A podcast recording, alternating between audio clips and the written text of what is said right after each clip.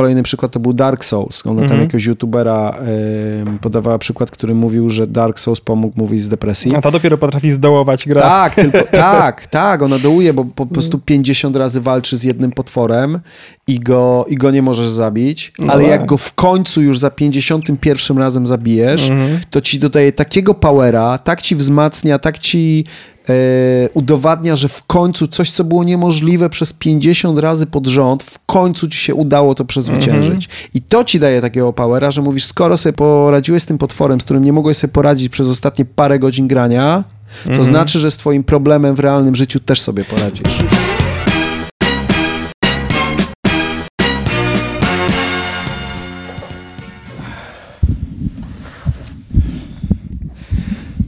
Cześć Leszku. Jesteś moim pierwszym gościem, który jest moim drugim, drugi raz gościem Bardzo mi w miło. podcaście.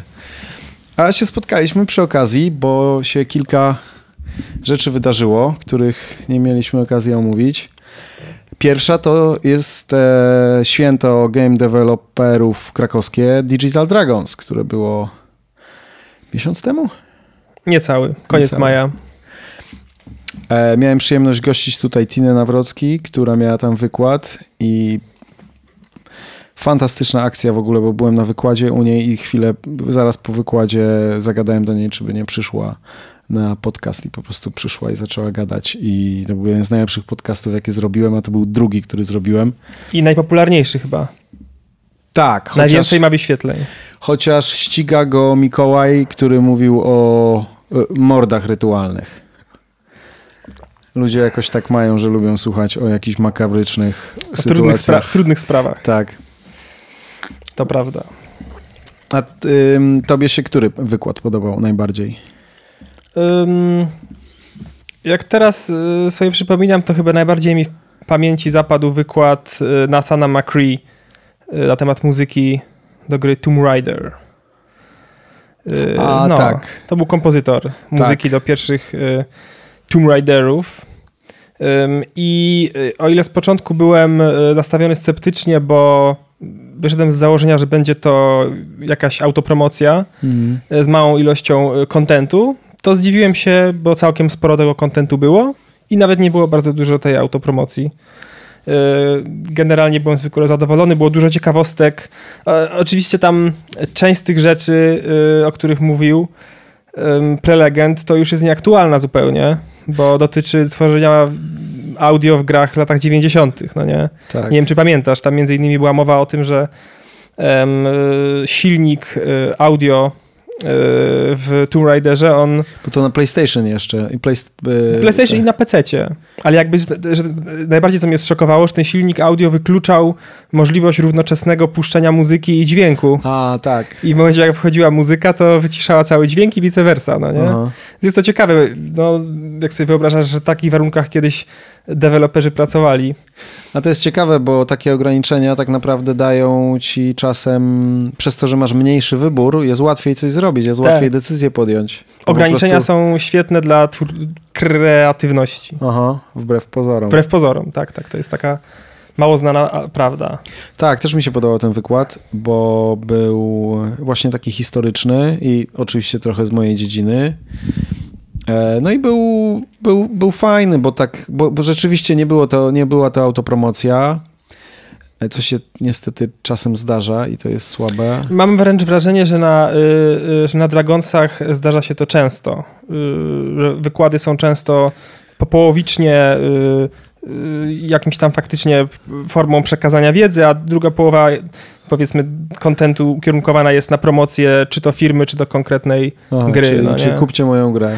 Kupcie albo generalnie zainteresujcie się nią. Aha. Takie jest e, moje wrażenie. Postmortemy bardzo często, postmortemy gier, mam wrażenie, że bardziej skupiają się na opowiedzeniu, e, czym właściwie jest gra i co sobą reprezentuje, niż e, realnie wyciąganiu jakichś wniosków z jej procesu produkcyjnego. Tak, przynajmniej to jest moje wrażenie. Często tak jest. Nie mówię, że zawsze, bo byłem na bardzo wielu dobrych wykładach. Teraz jeszcze mi się przypomina wykład, mm, nie pamiętam jak się ten człowiek nazywał, ale to był game developer z Izraela, game designer dokładnie i mówił e, ogólnie właśnie o, o kreatywności i o szukaniu inspiracji i o jakby organizowaniu sobie procesu myślowego przy designie. I, i mówił fajnie. Mówił o. też bardzo, bardzo był taki, sam to nawet powiedział, że bardzo dużo przeklina na wykładzie. Jeżeli komuś to przeszkadza, to...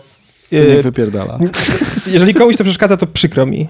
Coś więcej w tym stylu powiedział i przeklinał dalej równo w każdym zdaniu.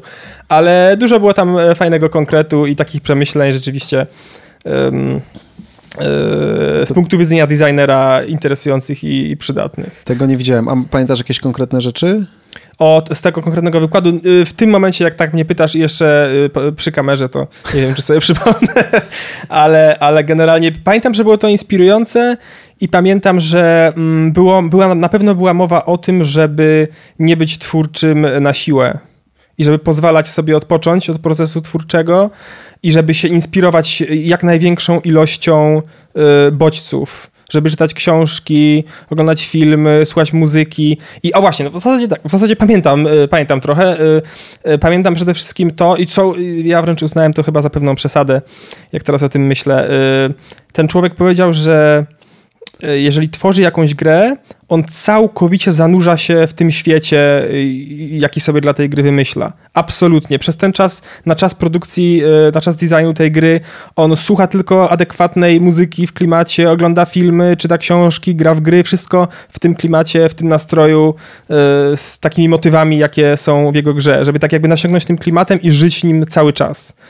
O, oczywiście uważam, że w pewnym, w pewnym zakresie to jest ok ale, ale też mi się wydaje, że nie wolno z tym przesadzić, bo nieraz też być może sam tak miałeś, że jak bardzo intensywnie przy czymś pracowałeś, to, to zaczynało się śnić. E, tak.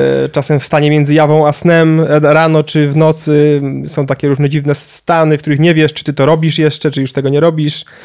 Tak, no to przy przepracowaniu tak no właśnie. bywa czasem. Ja, ja na przykład nie, nie, nie, bardzo to lubię. Moim zdaniem to nie sprzyja kreatywności i powoduje e, szybsze wypalenie. Dlatego ja uważam, że pewien dystans zawsze trzeba mieć. Co nie zmienia faktu, że to takie zanurzenie w odpowiednim klimacie jest moim zdaniem ważne. I on też mi zwrócił na to uwagę, na to właśnie na tym swoim wykładzie. Rzeczywiście, ja też e, spotkałem się z tym, że bardzo dużo ludzi, którzy pracują przy grach, jak porównują różne rzeczy, na przykład muzycy, którzy robią muzykę do gier, to mówią, a jaki to jest klimat muzyczny? I ktoś, a to jest taki klimat, jak była muzyka w tej grze i trochę jak była muzyka w tej grze. I mi się wydaje, że chyba by było lepiej, jakby, wiesz, no, wzorowanie się, robienie muzyki do gry, wzorując się na muzyce do innej gry, Uważam, że to trochę za blisko. Już by było lepiej, jakby się wzorowali na muzyce do filmu na przykład, nie? Albo w ogóle muzyce jakiejś instrumentalnej po prostu jakiegoś artysty, a nie... I podobnie jest, podobnie jest e, powiedzmy z, nawet klimatem, załóżmy, ze światem przedstawionym. Nie? Mhm. I się pytam designera, w jakim świecie jest? No to jest coś takiego jak ta gra, ale trochę pomieszana z tym jakby mam wrażenie, że, że twórcy gier siedzą w tym świadku bardzo zamkniętym i z niego się nie wychylają, przez co może nie mają perspektywy takiej, może brakuje im trochę oryginalnych pomysłów spoza, spoza tego świata. E, też mi się wydaje, że często jest yy, pomysł na grę czy koncept gry opisywany yy, za pomocą innych gier, a o wiele zbyt rzadko za pomocą książek, filmów, obrazów, muzyki. To też tak. zgadzam się. To, to, jeżeli chodzi o samą muzykę, to może być muzyka z gier, czy tam nie z gier, ale jakby zgadzam się faktycznie, ja bardzo często przy procesie y, twórczym, przy grach obserwuję takie zjawisko, że wręcz konkretny element z jakiejś innej gry się bierze i się go kopiuje, albo się go częściowo kopiuje, jakiś element UI, mhm. rozwiązanie gameplayowe y, związane z walką, związane z, z, z craftingiem, związane z z, z, czymś i kopiuje się je bądź kopiuje się częściowo i myśli się o tym na zasadzie oni to zrobili tam tak, ci zrobili to tak, to może połączmy to i to. Um, czy to jest dobre? No, nie wydaje mi się, że na, na pewno nie w, nie w, każdej sytuacji. Jak ja nad czymś myślę, staram się nie zamykać się właśnie, nie zamykać się tylko w grach, e, a jeżeli się inspirować grami, to na pewno nie w taki sposób, żeby brać coś za bardzo po całości z jakiejś, z jakiejś jeden, gry. Co nie zmienia faktu, że jest ta też w, w designie, to dotyczy zresztą nie tylko, nie tylko gier, dotyczy filmów, muzyki, e, jest taka prawda, która mówi, że ludzie, odbiorcy lubią to, co jest im znane. Tak. I każde dzieło nowe powinno być miksem tego, co jest y, znane i tego, co jest nieznane, żeby tym nieznanym nie przytłoczyć, albo że tym znanym nie zanudzić. No ale jednak y, wynika z tego, że trzeba też mieć trochę tego znanego, więc wiadomo, trzeba analizować to, co już było. Ale zgadzam się z tobą, że, że można zdecydowanie bardziej inspirować się tworząc gry, inspirować się też innymi mediami. Tak. A, a propos tego, co mówiłeś, że ludzie lubią historie, które już znają, to właśnie jak mm, z Mikołajem ostatnio rozmawiałem o tych mordach rytualnych, to też różne około tematy poruszyliśmy około tego. No i też, też jest jedna z takich, z takich teorii, że wszyscy ludzie zawsze odpowiadają tylko jedną historię, że po prostu jest jeden archetypiczny mit, i wszystkie historie, które jakiekolwiek miały znaczenie, wiesz, ludzkiej, y, czy to były książki, czy filmy, czy nawet gry, to tak naprawdę to jest jeden i ten sam mit archetypiczny, który jest tam jakiś bohater, który musi przezwyciężyć przeciwności losu. I najpierw jest słaby, a później się stawia, przezwycięża przeciwności losu i mu się udaje. No i go wielbimy jako bohatera. No to jest to, co Campbell opisywał, e, podróż bohatera, Hero's Journey to się nazywa. I to jest taka jakby konkretna sekwencja Y, wydarzeń, jakie na drodze bohatera następują, że następuje przełamanie jakiejś jego rutyny, potem on się załamuje, poznaje tak. jakiegoś mistrza, pomaga, tak. potem przechodzi próbę i wygrywa. Tak. W skrócie dużym tak to wygląda. A też to, co mówiłeś, to y, dotyczy nie tylko, y, to jest zresztą powiązane, mitologię, religia, no przecież religię to samo mamy. Mamy religię chrześcijańską, w której jest motyw poświęcenia, odrodzenia po trzech dniach, y, odejścia do sfery boskiej. To samo było z mitologii egipskiej, gdzie przecież Ozyrys został zabity przez swojego brata i trzy, trzy dni był martwy i z martwych wstał. Tak samo jest e, w e, religiach Indian środkowoamerykańskich, gdzie był pierzasty wąż, Bóg Quetzalcoatl. Dokładnie ten sam los go spotkał, e, co, co, co Jezusa. Co, co wielu innych, no właśnie, między innymi Aha. Jezusa i, i oczywiście to mm, jest bardzo dobra pożywka dla wielu spiskowych i fantastycznych teorii. Ja nie mówię, ja ich nie wykluczam tych teorii, bo ja w ogóle lubię takie różne, na przykład kiedyś bardzo lubiłem czytać mm, Danikena, kojarzysz Danikena takiego? Nie. To jest taki, taki e, naukowiec, powiedzmy, a, który bardzo generalnie w ludzkiej, w mitologii, w architekturze i tak dalej, od zarania dziejów ludzkich dopatruje się wpływu cywilizacji z kosmosu. A. No, więc oczywiście dla niego prawdopodobnie te takie zbieżności y, byłyby, mogłyby być tłumaczone tym, że to po prostu ci wszystkie te cywilizacje przeżyły to samo, bo to jakby tymi bóstwami byli w rzeczywistości jacyś kosmici, którzy przybyli do nas i nam w pewnym sensie ukształtowali naszą mitologię i naszą wiarę. Jest tak z kolei inny naukowiec, może nie naukowiec, może bardziej badacz, Graham Hancock kto to ja z kolei nie znam tego. Tak, to też jest ciekawy gość, bo on twierdzi, że przed e, cywilizacją, którą my znamy, czyli powiedzmy tamtą, która istnieje od tych 6 tysięcy lat, istniała na Ziemi dużo wcześniej inna cywilizacja, tylko że 12 tysięcy lat temu na Ziemię walnął meteoryt, nawet większy niż ten, który zabił dinozaury, już nawet znaleźli gdzie. I wszędzie na Ziemi są dowody, że tam 12 tysięcy lat temu, jak kopali, to, to na warstwie 12 tysięcy lat temu są mikrodiamenty i tam spopielony piach, e, zeszklony piach, że, że rzeczywiście był jakaś ogromna, e, ogromny wybuch. No i mhm. to był tak duży meteoryt e, i to była tak duża katastrofa, że po prostu zrównał z Ziemią cywiliz jakąkolwiek cywilizację, jaka by była. Jakby teraz spadł taki meteoryt, to też by zrównał z Ziemią mm. naszą cywilizację. No więc jest teoria, że tam 5 czy ileś procent tamtej cywilizacji ocalała zwróciła się do ówczesnych ludzi żyjących na dziko, tak jak teraz gdzieś żyją ludzie na dziko, tak samo jak żyli, wiesz, 10 tysięcy lat temu w lasach, polując, bez cywilizacji. I oni do nich się zwrócili, żeby po prostu przeżyć i próbowali im przekazać e, antyczną wiedzę. I na przykład tak powstały piramidy bo jest taka sytuacja, że piramidy, im starsze piramidy, tym są lepiej zbudowane niż te nowsze, bo były jakieś piramidy, które tam zbudowano kilka tysięcy lat później i w hmm. ogóle są dużo gorsze, się zawaliły, nierówne i tak dalej. Daniken też bardzo dużo o piramidach pisał. No bo to jest też kolejna ciekawa sprawa. Piramidy mamy w Ameryce Środkowej, mamy w Egipcie, mamy pir piramidalno podobno budowle, ziguraty tak zwane w Mezopotamii i też jakby jest ta zbieżność kształtu, z, którego można, z której można jakieś wnioski próbować wyciągać. Tak, znaczy najpro... akurat, no tak, są takie super teorie spiskowe, że to są lądowiska dla statków kosmicznych, tak? To musiały być dziwne statki, jeżeli miały takie lądowiska. Tak, ale, ale z kolei taką bardzo prostą wytłumaczenie yy, słyszałem tych, że piramidy wszędzie są takie same, że zbudowanie w ten sposób, że masz większy fundament i idziesz coraz ten, to jest naj, najprostsza budowla, żeby zbudować coś dużego. Że to po prostu z fizyki to, fizyka, z fizyki to, z fizyki wynika, to wynika, taka że, konstrukcja. Tak, no, no, no. Że, że najlepiej tak zbudować. Mogło o to chodzić, ale, między innymi. Tak, ale na przykład też jest zadziwiające to, że piramidy chyba w Ameryce Południowej, znowu mi pewnie napisze e, Piotrek, że coś prze, prze, prze... Ostrożnie, ostrożnie, specjaliści tak, patrzą. Tak, że tamte piramidy wytrzymują trzęsienia ziemi. Tak. No to do, do piramid trzęsień ziemi zrobiliśmy kółko. Wracając do Dragonsów. Wracając do Dragonsów. Ehm, tak, no to mówiłeś o tym, o tym izraelskim game developerze, który, który mówił... Game designerze. No, on mówił o, o twórczości, był, mówiłem o Natanie McCree, który mówił o muzyce. Um, Pamiętam, y, jeszcze był wykład, znaczy na tam sporej ilości ich byłem, zresztą one wszystkie będą i tak do obejrzenia y, na, na YouTubie, część już jest. Pamiętam jeszcze wykład y, o tworzeniu Pillars of Eternity dwójki, to był człowiek z firmy Obsidian, hmm. która tą grę robiła i też był fajny, bo to był taki powiedzmy postmortem, ale to był faktycznie bardzo treściwy postmortem. Było dużo bardzo wiedzy na temat tego, jak e, rzeczy były sprawdzane, jak, jak reagowano, gdy nie wychodziły, jak dostosowywano. Obniż sobie ten mikrofon trochę. O. Idealnie. Super. O, no. Także to też był, był fajny wykład na tej dużej, wielkiej sali. W ogóle, e, co by nie powiedzieć, e, bo można, warto przypomnieć, że Dragonsy nie zawsze odbywały się w centrum ICE. kongresowym, no nie? Jak się mówi, ICE czy ICE? No, w komunikacji miejskiej mówi się ICE. ICE. Centrum kongresowe ICE mówi ten taki znaczy, automat. Czego to jest skrót? Mówiąc szczerze, nie wiem.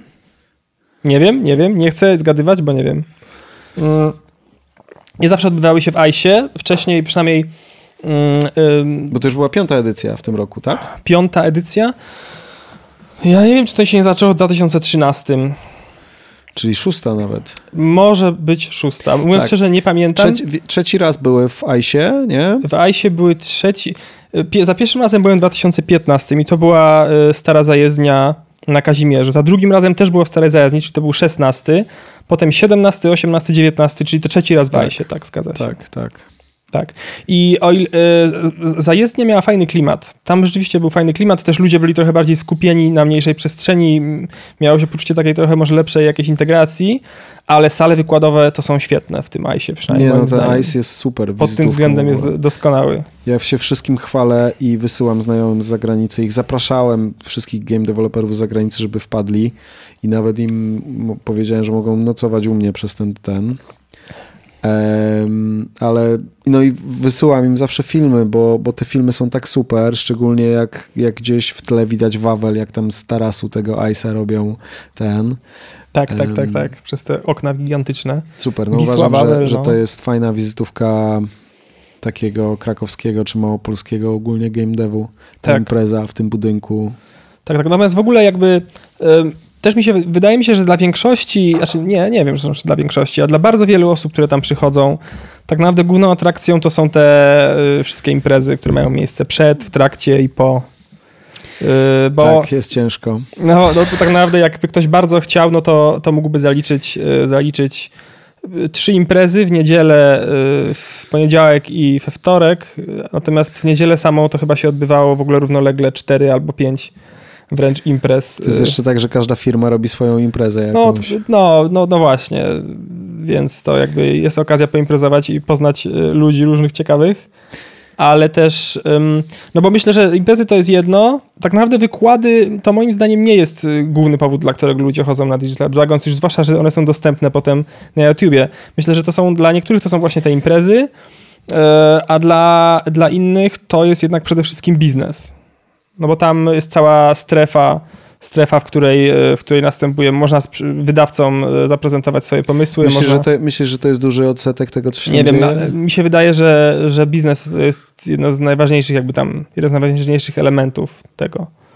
Że to nie jest impreza taka jak na przykład e, Game Industry Conference GIC w Poznaniu, który jest nastawiony na y, dydaktykę, powiedzmy, game devową. Tak mi się przynajmniej wydaje, że jest, bo tam faktycznie są wykłady, warsztaty, jest tego bardzo dużo.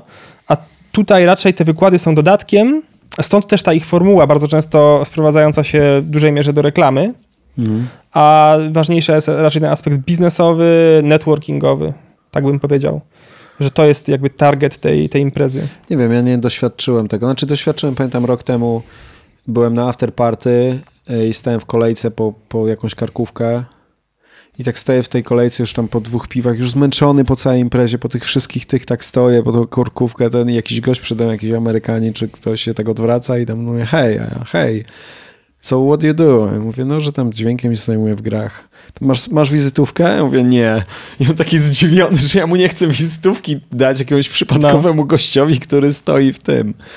No ale, ale to jest No właśnie więc to. tak, więc to, i on, był, on był tak zdziwiony, jakbym, wiesz, e, jakbym był z innego świata. On mi zadał Tak. pytanie, czy masz wizytówkę, bo on właśnie przyjechał w garniturze, był pod krawatem, właśnie przyjechał tylko na networking. Tak, zbierał kontakty. Być może, Tak. kto wie, może ktoś gdzieś go rozlicza z ilości wizytówek, jakie zbierze na imprezie. Myślisz, że może tak być? Wątpię. Ale, Ale- wiesz co, em, ale powiem ci tak, że z e, live'owymi występami, że tak robię paralele na przykład do koncertów, e, nigdy, jeśli jest, wiesz, dobry zespół, to nigdy e, płyty, nagrania, którym słuchasz, wiesz, czy płyty, czy, czy MP3, czy teledysku na YouTubie, nigdy tak nie odbierzesz jak koncertu na żywo. Dlatego możesz wszystkie na GDC wykłady i z Digital Dragonsów na YouTubie zobaczyć, ale to nie będzie to samo, jak je zobaczysz na żywo. Zgadzam się. Zda, absolutnie więc, się zgadzam. Więc bym się nie, nie zgodził z twoją, tą twoją tezą, że, że raczej tam te wykłady są tylko takie i takie można na YouTubie obejrzeć, więc ludzie się tym nie, nie przejmują tak bardzo. Wydaje mi się, Mhm. że dla, dla wielu ludzi wykłady są najważniejsze tam. Tego nie wiem. Yy, Natomiast zgadzam się na 100%, że z czym innym jest być osobiście, a czym innym zobaczyć. To jest zupełnie co innego, a jeszcze w ogóle móc potem porozmawiać z wykładowcą, to jest jeszcze zupełnie Albo co zadać innego. mu Zadać pytanie, pytanie no. osobiście, to jednak jest, jest yy, i i zupełnie inne, inne przeżycie. Zresztą oni zmienili tą formułę w pewnym momencie tego zadawania pytań w taką, że tam się wychodzi na środek i się gada do mikrofonu. Co też jest trochę, trochę dziwne, no bo to... A w tych mniejszych salkach, ale to fajne jest. Znaczy bo... to dla, dla ciebie fajne, bo ty masz, e, ty jakby jesteś powiedzmy sceniczny, no nie? Ale są ludzie mniej sceniczni. Znaczy, ja nie mówię, to, Ale- to, to jest takie, że ty przynajmniej masz pewność, że jeżeli idziesz już z tym pytaniem, to, to starasz się sobie się przemyśleć i Tak. tak. i tak dalej. Natomiast, natomiast zdziwiłem się za pierwszym razem, jak zobaczyłem tą nową formułę, bo to tak jakby część osób to może, może, może zniechęcić. Wiesz, jak, jak byłem e, na Unreal Festie, tylko nie na tym, tylko w, chyba w Berlinie, na poprzednim, to wiesz, jak tam było z pytaniami?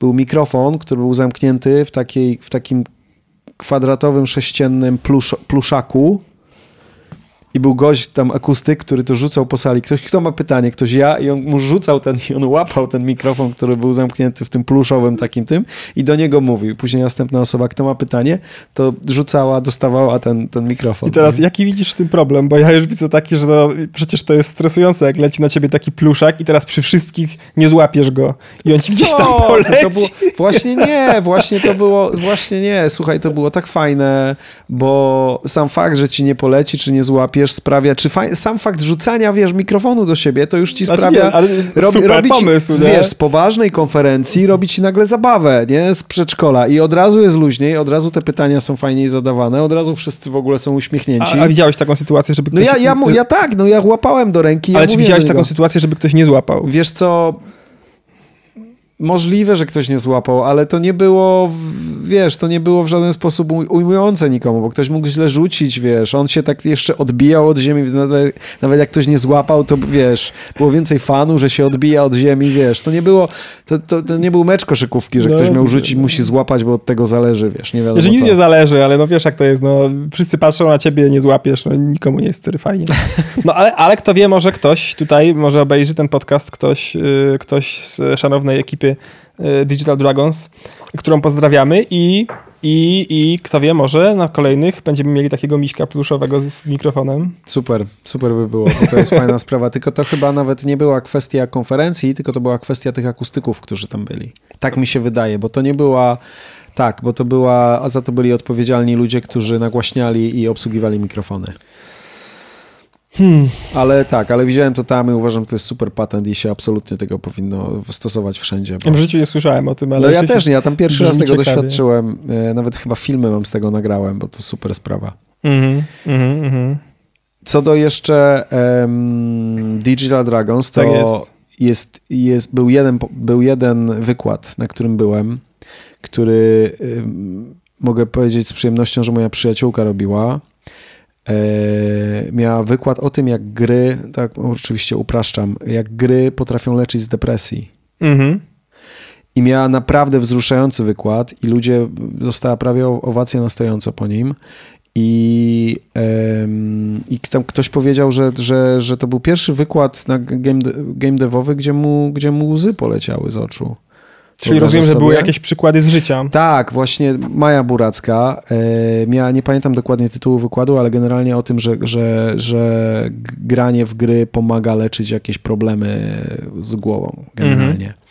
I, no i ona bardzo dużo mówiła o swoim, o swoim życiu, e, o swoim przykładzie i o, o jej e, sytuacji, kiedy granie w.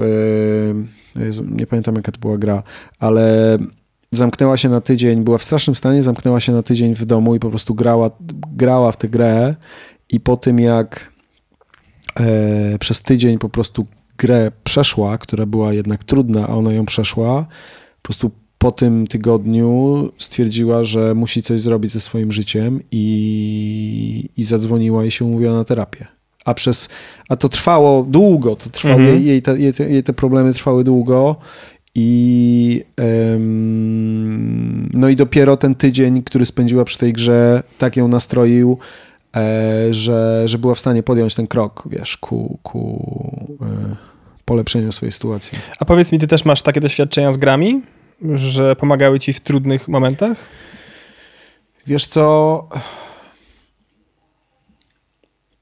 Powiem ci tak, że, że jest taka gra ostatnio, w którą gram Satisfactory. Mhm na e, Epic Store. Tak, która jest. E, może nie, że mi, że mi pomaga z problemami jakimiś psychologicznymi, tylko, tylko jest super odpowiedzią na moje takie mm, anxieties, jak to się nazywa, czyli takie kompulsywne jakieś. Um, bo tam na przykład jest, gra polega na tym, że się buduje fabrykę. Mhm. i buduje się fabrykę, fab, taką ogromną, buduje się fabrykę tam, która produkuje powiedzmy miedź i z tej miedzi musisz zbudować tam drugą fabrykę taką małą, która z tej miedzi robi kabel, a z kabla coś tam, no i musisz budować taśmy, które łączą, wiesz, wyjście z tej fabryki do drugiej. No i budujesz ogromną infrastrukturę tych mhm. fabryk połączonych ze sobą, więc to jest takie, więc musisz tutaj postawić coś yy, i musisz, musisz od tego po, pociągnąć yy, taśmę do następnej, musisz to obmyśleć i to jest taka jak ktoś lubi tak dłubać, wiesz, jak ktoś ma Myślę, że to że są, takie, są takie sześciany kosteczki, które były sprzedawane, gdzie tam na każdej tej miałeś, miałeś jakieś cykacze albo prze, prze, przesuw, przesuwania. To było na Kickstarterze zrobione dla ludzi, którzy właśnie mają jakieś problemy takie kompulsywne, że dłubią okay. na przykład z rękami, czy okay. paznokcie, wiesz, czy skórki ten. No i widziałem, że widziałem kilku ludzi, którzy to miało, no i na przykład zamiast właśnie dłubać ten, to sobie cykało, mm -hmm. wiesz, na jednej stronie miałeś cykanie, na drugiej miałeś przesuwanie, na trzeciej mm -hmm. miałeś kręcenie, takie sześciany malutkie ten. No i, i czasem ludzie mają jakieś takie kompulsywne, ja też to trochę mam, e, że muszą coś takiego dłubać. Mhm. I ta gra jest na to odpowiedzią, bo to jest tak, że e, planujesz sobie, dobra, tu jest fabryka, tu jest druga fabryka i muszę pociągnąć z niej e, tą, ten taśmociąg. Mhm, mhm. No i, to, no i budowanie tego taśmociągu kostka po kostce to jest takie bardzo żmudne, monotonne zajęcie ale to jest jakoś tak dziwnie satysfakcjonujące. Gra się nazywa Satisfactory bez, wiesz, nie, nie przez przypadek. Mhm. E, i, I to daje tak dużo satysfakcji, a nie ma tam e, nie ma tam takich rzeczy, że musisz z kimś walczyć. Znaczy, są tam jakieś stwory, z którymi musisz walczyć, ale to jest jakiś drobny, mhm. drobna mechanika w całej grze. Mhm. I, I ona nie ma takich mechanik, które są typowo w jakichś grach, że idziesz i coś zdobywasz i musisz pokonywać i zbierasz lud i idziesz dalej, tylko właśnie masz jakąś bazę, którą rozbudowywujesz i I dużo jest tam takiej monotonnej, monotonnej pracy, że musisz, dobra, muszę taśmociąg tam z tego miejsca do tego, no Mhm. i ciągniesz ten taśmociąg, wiesz. I ona jest jakoś, jakoś dziwnie em, uspokajająca, bo to jest taka. Trochę bezmyślna, bezmyślna praca. Znaczy robi, granie w tą grę jest trochę, nie chcę tu umniejszać, broń Boże, ani graczom, ale, ale jest trochę, że to jest, em, że grasz w nią używając tylko tej części mózgu, która jest odpowiedzialna za takie automatyczne, Mhm. automatyczne rzeczy. Jak już sobie A wymyślisz, to że jest dobra... bardzo relaksujące coś takiego. Tak, no. tak. Znaczy są tam, dobra, że musisz wymyślić strategicznie, logistycznie pomyśleć, dobra, Mhm. stawiam tu, to tam to muszę postawić tu. No ale jak już postawiłeś, to ciągnięcie tego taśmociągu to jest takie bardzo mechaniczne. Tak, to ja podobnie mam y, z No Man's Skyem, którego ciągle gram. O. No, no bo to też jest, to jest z kolei eksploracja proceduralnie generowanego, niemalże nieskończonego kosmosu. Niby nuda, Aha. a tak naprawdę to właśnie też, też można powiedzieć, że wykonuje się bardzo dużo podobnych, tych samych czynności. Leci się na jedną planetę, trzy układy słoneczne dalej, żeby zdobyć jakiś tam minerał. Trzeba wrócić się potem na inną z tym minerałem, tam, żeby móc sobie coś dodatkowego zbudować w swojej bazie. Też jest zresztą motyw budowy bazy Aha. z takich klocków. Ja też, ja bardzo lubię takie rzeczy. I tak naprawdę też w tej grze nie ma jakiejś, jest niby fabuła, ale ona jest drugorzędna i też mam tak, że tam nie gra mnie uspokaja po prostu. Jak sobie Aha. lecę tym statkiem, y, y, czasem trzeba parę minut poczekać, nawet jak się leci z jednej planety na drugą i nie mam jakby nic przeciwko temu. Lubię sobie kilka razy w tygodniu po godzinę włączyć tą grę i się z nim zrelaksować. Ale właśnie ym, zapytałem o to ciebie dlatego, że y, ja mam zupełnie, mam wrażenie, inny, inny w ogóle experience związany z grami niż bardzo wiele osób, które znam. O. Bo ja w ogóle nie mam czegoś takiego, że gry y, mi pomagają wyjść na przykład z, y, ze złego nastroju. Albo że mnie pocieszają. Nie wiem, wydaje mi się, że nigdy nie miałem takiej stricte depresji, więc nie mogę powiedzieć, że gry nie, nie wyciągnęły z depresji, ale jakby ja, żeby grać w gry, muszę być w dobrym nastroju. To jest mój punkt wyjściowy. Tak, ja też mam, tylko że to trochę, trochę nie jest to, co, co Maja na tym wykładzie mówiła. No właśnie. Bo ona tam podawała przykłady. Na przykład e, gościa, który, który miał. Bo to jest tak, że jak masz, jak się czujesz, bo, bo od czego zacząć? Jak masz depresję, to to jest tak, że czy się w ogóle źle czujesz, to to jest tak, że masz jakieś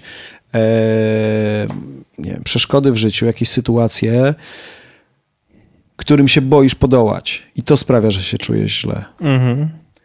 I jak grasz w taką grę, na przykład, jeden, kolejny przykład to był Dark Souls. Ona tam Mhm. jakiegoś youtubera em, podawała przykład, który mówił, że Dark Souls pomógł wyjść z depresji. A ta dopiero potrafi zdołować grę. Tak, tylko, tak, tak, ona dołuje, bo po prostu 50 razy walczy z jednym potworem i go, i go nie możesz zabić, No ale tak. jak go w końcu już za 51 razem zabijesz, Mhm. to ci dodaje takiego powera, tak ci wzmacnia, tak ci udowadnia, że w końcu coś, co było niemożliwe przez 50 razy pod rząd, w końcu ci się udało to przezwyciężyć. I to ci daje takiego powera, że mówisz, skoro sobie po, ja, po, potrafiłeś, poradziłeś z tym potworem, z którym nie mogłeś sobie poradzić przez ostatnie parę godzin grania, to znaczy, że z twoim problemem w realnym życiu też sobie poradzisz. Roz, I to nie jest tak, i to nie jest tak, że granie w gry no, może truizm, co powiem, to nie jest tak, że granie w gry, wiesz, rozmywa twoje problemy, tylko Mhm. granie w gry potrafi cię tak nastroić i zmotywować i udowodnić, że ty jesteś w stanie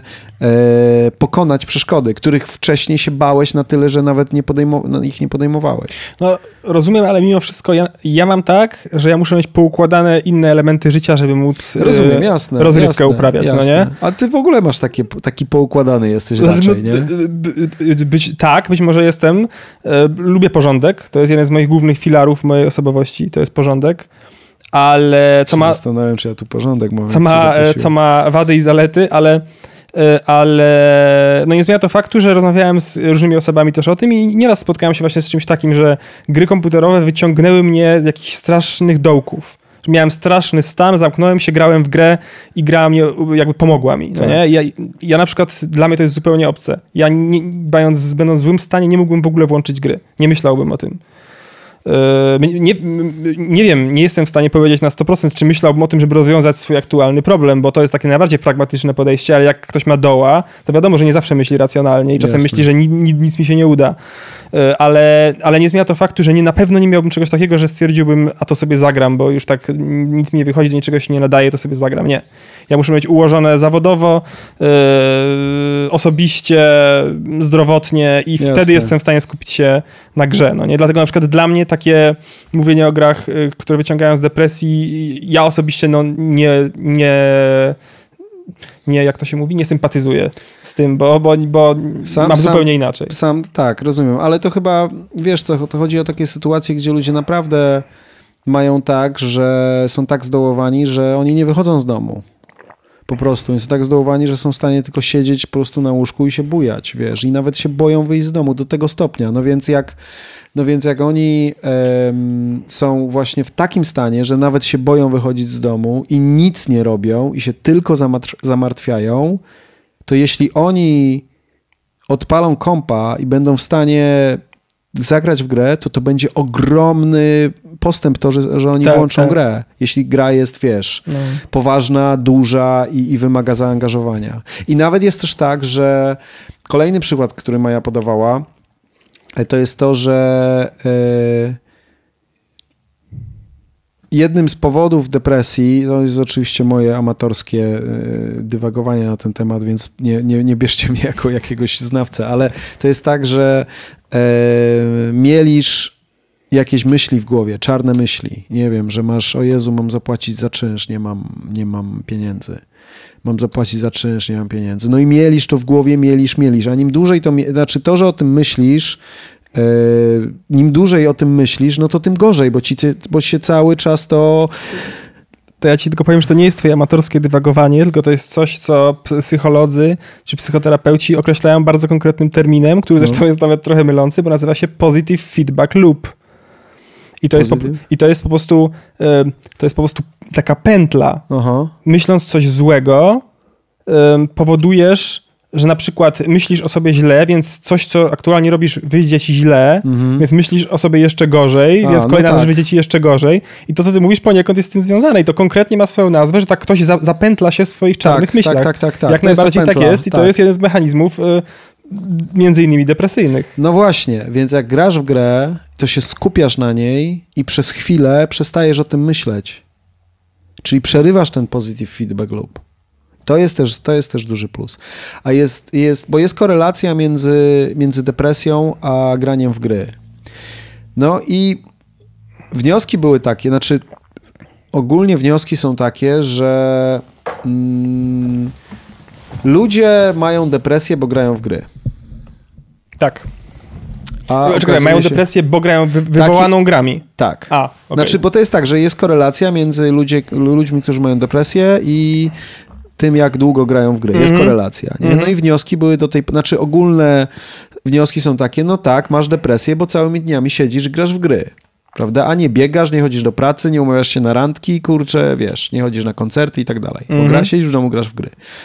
Ale Podobno jest inaczej. Podobno jest tak, że ludzie mają depresję i próbują się z niej leczyć i leczą się grając w gry. A to bardzo ciekawe. No. Jak, jak najbardziej akceptuję to, że to może dla bardzo wielu osób działać. Nie mówię nie, zresztą nie byłoby wykładu o tym, gdyby tak nie było, no nie? Ja, po prostu, ja po prostu mam osobiście inne z tym związane doświadczenia. Też nigdy nie byłem w aż tak ciężkim stanie. Może jakbym był, to w ogóle by to inaczej było i faktycznie mm, gry by mi pomogły. Yy, natomiast yy, na pewno, jeżeli tylko działa, to dobrze, no nie? Jeżeli tylko działa, to dobrze. To jest właśnie, uważam, że ten wykład był bardzo fajny i jeszcze go nie ma na YouTubie, ale jak będzie, to na pewno, na pewno go jakoś podlinkuję. Ja też rzucę sobie okiem chętnie. I, i, I Maję chcę bardzo zaprosić na właśnie tu na kanapę i pogadać o tym, bo uważam, że to jest bardzo ważny temat. I, i taki wręcz e, przełomowy, bo ja nigdy nie słyszałem. Maja jest psychologiem. Mhm. Maja jest psychologiem, jest graczem, jest game developerem. No więc. E, w takiej kolejności można powiedzieć.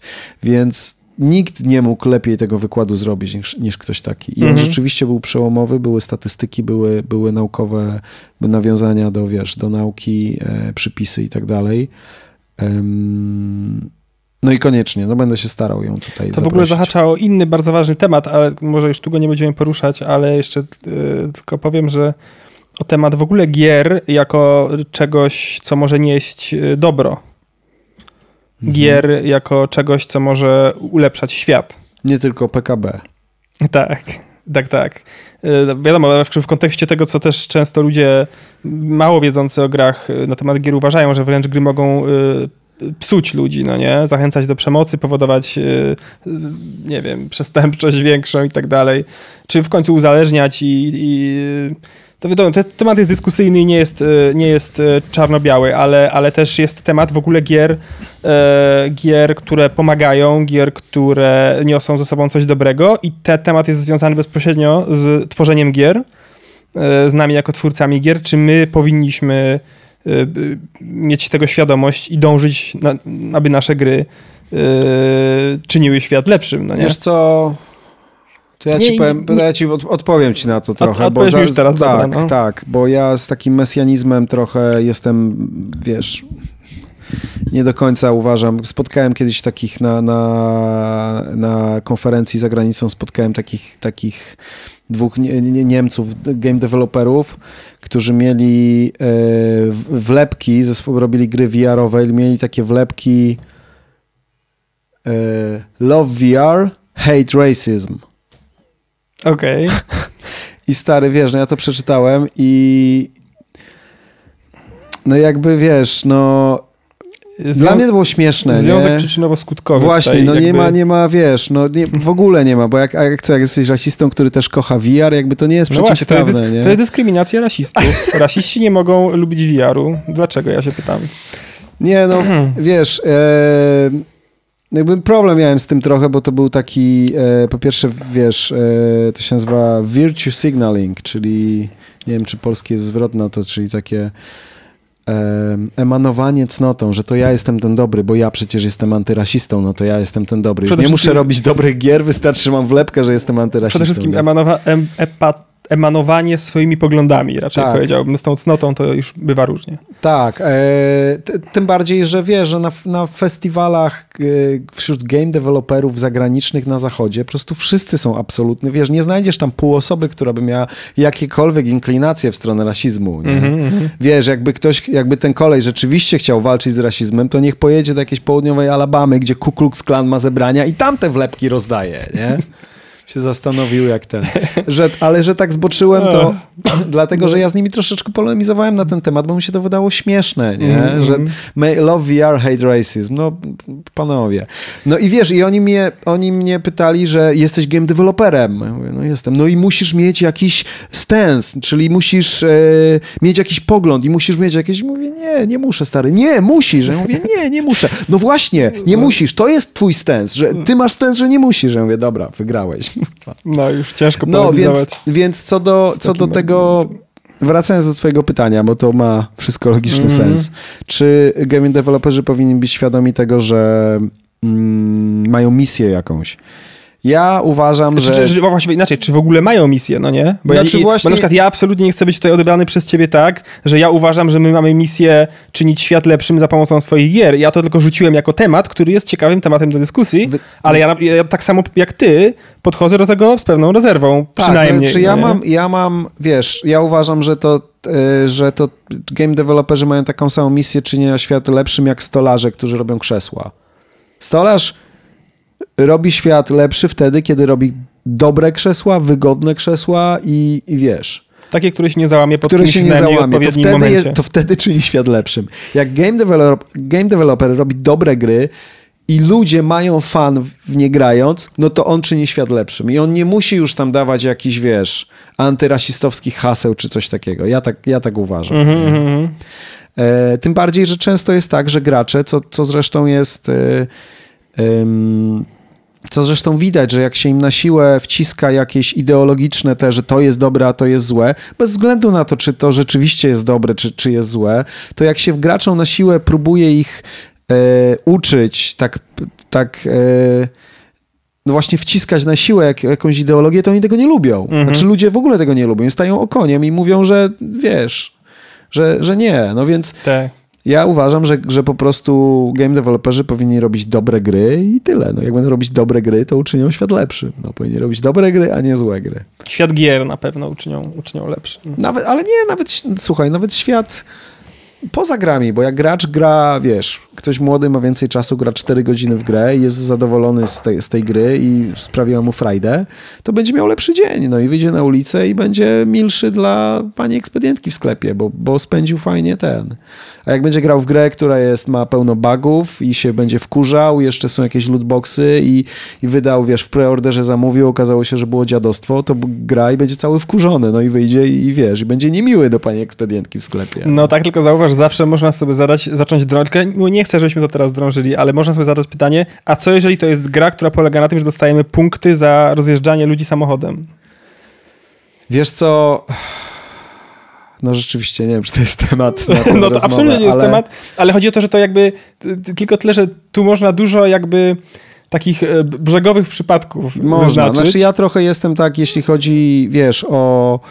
o yy, z, y, z punktu widzenia zasady uważam, że nie, to, co robisz w grze, nie przekłada się na życie, więc to, że, że możesz rozjeżdżać ludzi, wiesz, samochodami i cały czas być w życiu i, i traktować go jako, wiesz, jako, jako rozrywkę, a być, I być życiu, dobrym człowiekiem. być dobrym człowiekiem, no i Tak. zdawać sobie sprawę, że to jest świat realny, a to jest świat nierealny. E, To nawet w książce Theory of Fun e, Ralph Koster pisze, że dokładnie, to jest przykład wzięty z jego książki, właśnie to e, gra, e, jakaś tego zresztą już była nawet stara dosyć gra, nawet nie wiem, czy nie z lat 80., właśnie, która polegała na tym, że się rozjeżdżało ludzi Tak, e, była za taka, punkty, bo była potem taka. powstawały kolejne, było Destruction A to bu- Derby, a Carmageddon. A to ta gra z lat, to nawet chyba wcześniej, bo ona była na poziomie, ona miała rozdzielczość tam 128 na Tak, bardzo stara 128. gra, Była ale tak to- jak Pong, tylko że troszeczkę... Nie wiem, czy aż tak stara, ale w każdym razie to już wtedy, z tego co autor y, pisze, to już wtedy jakby zaczęło Była się dysku- dyskutować o tym właśnie. Pojawiła się kontrowersja, dyskusja, czy to jest w porządku, czy nie.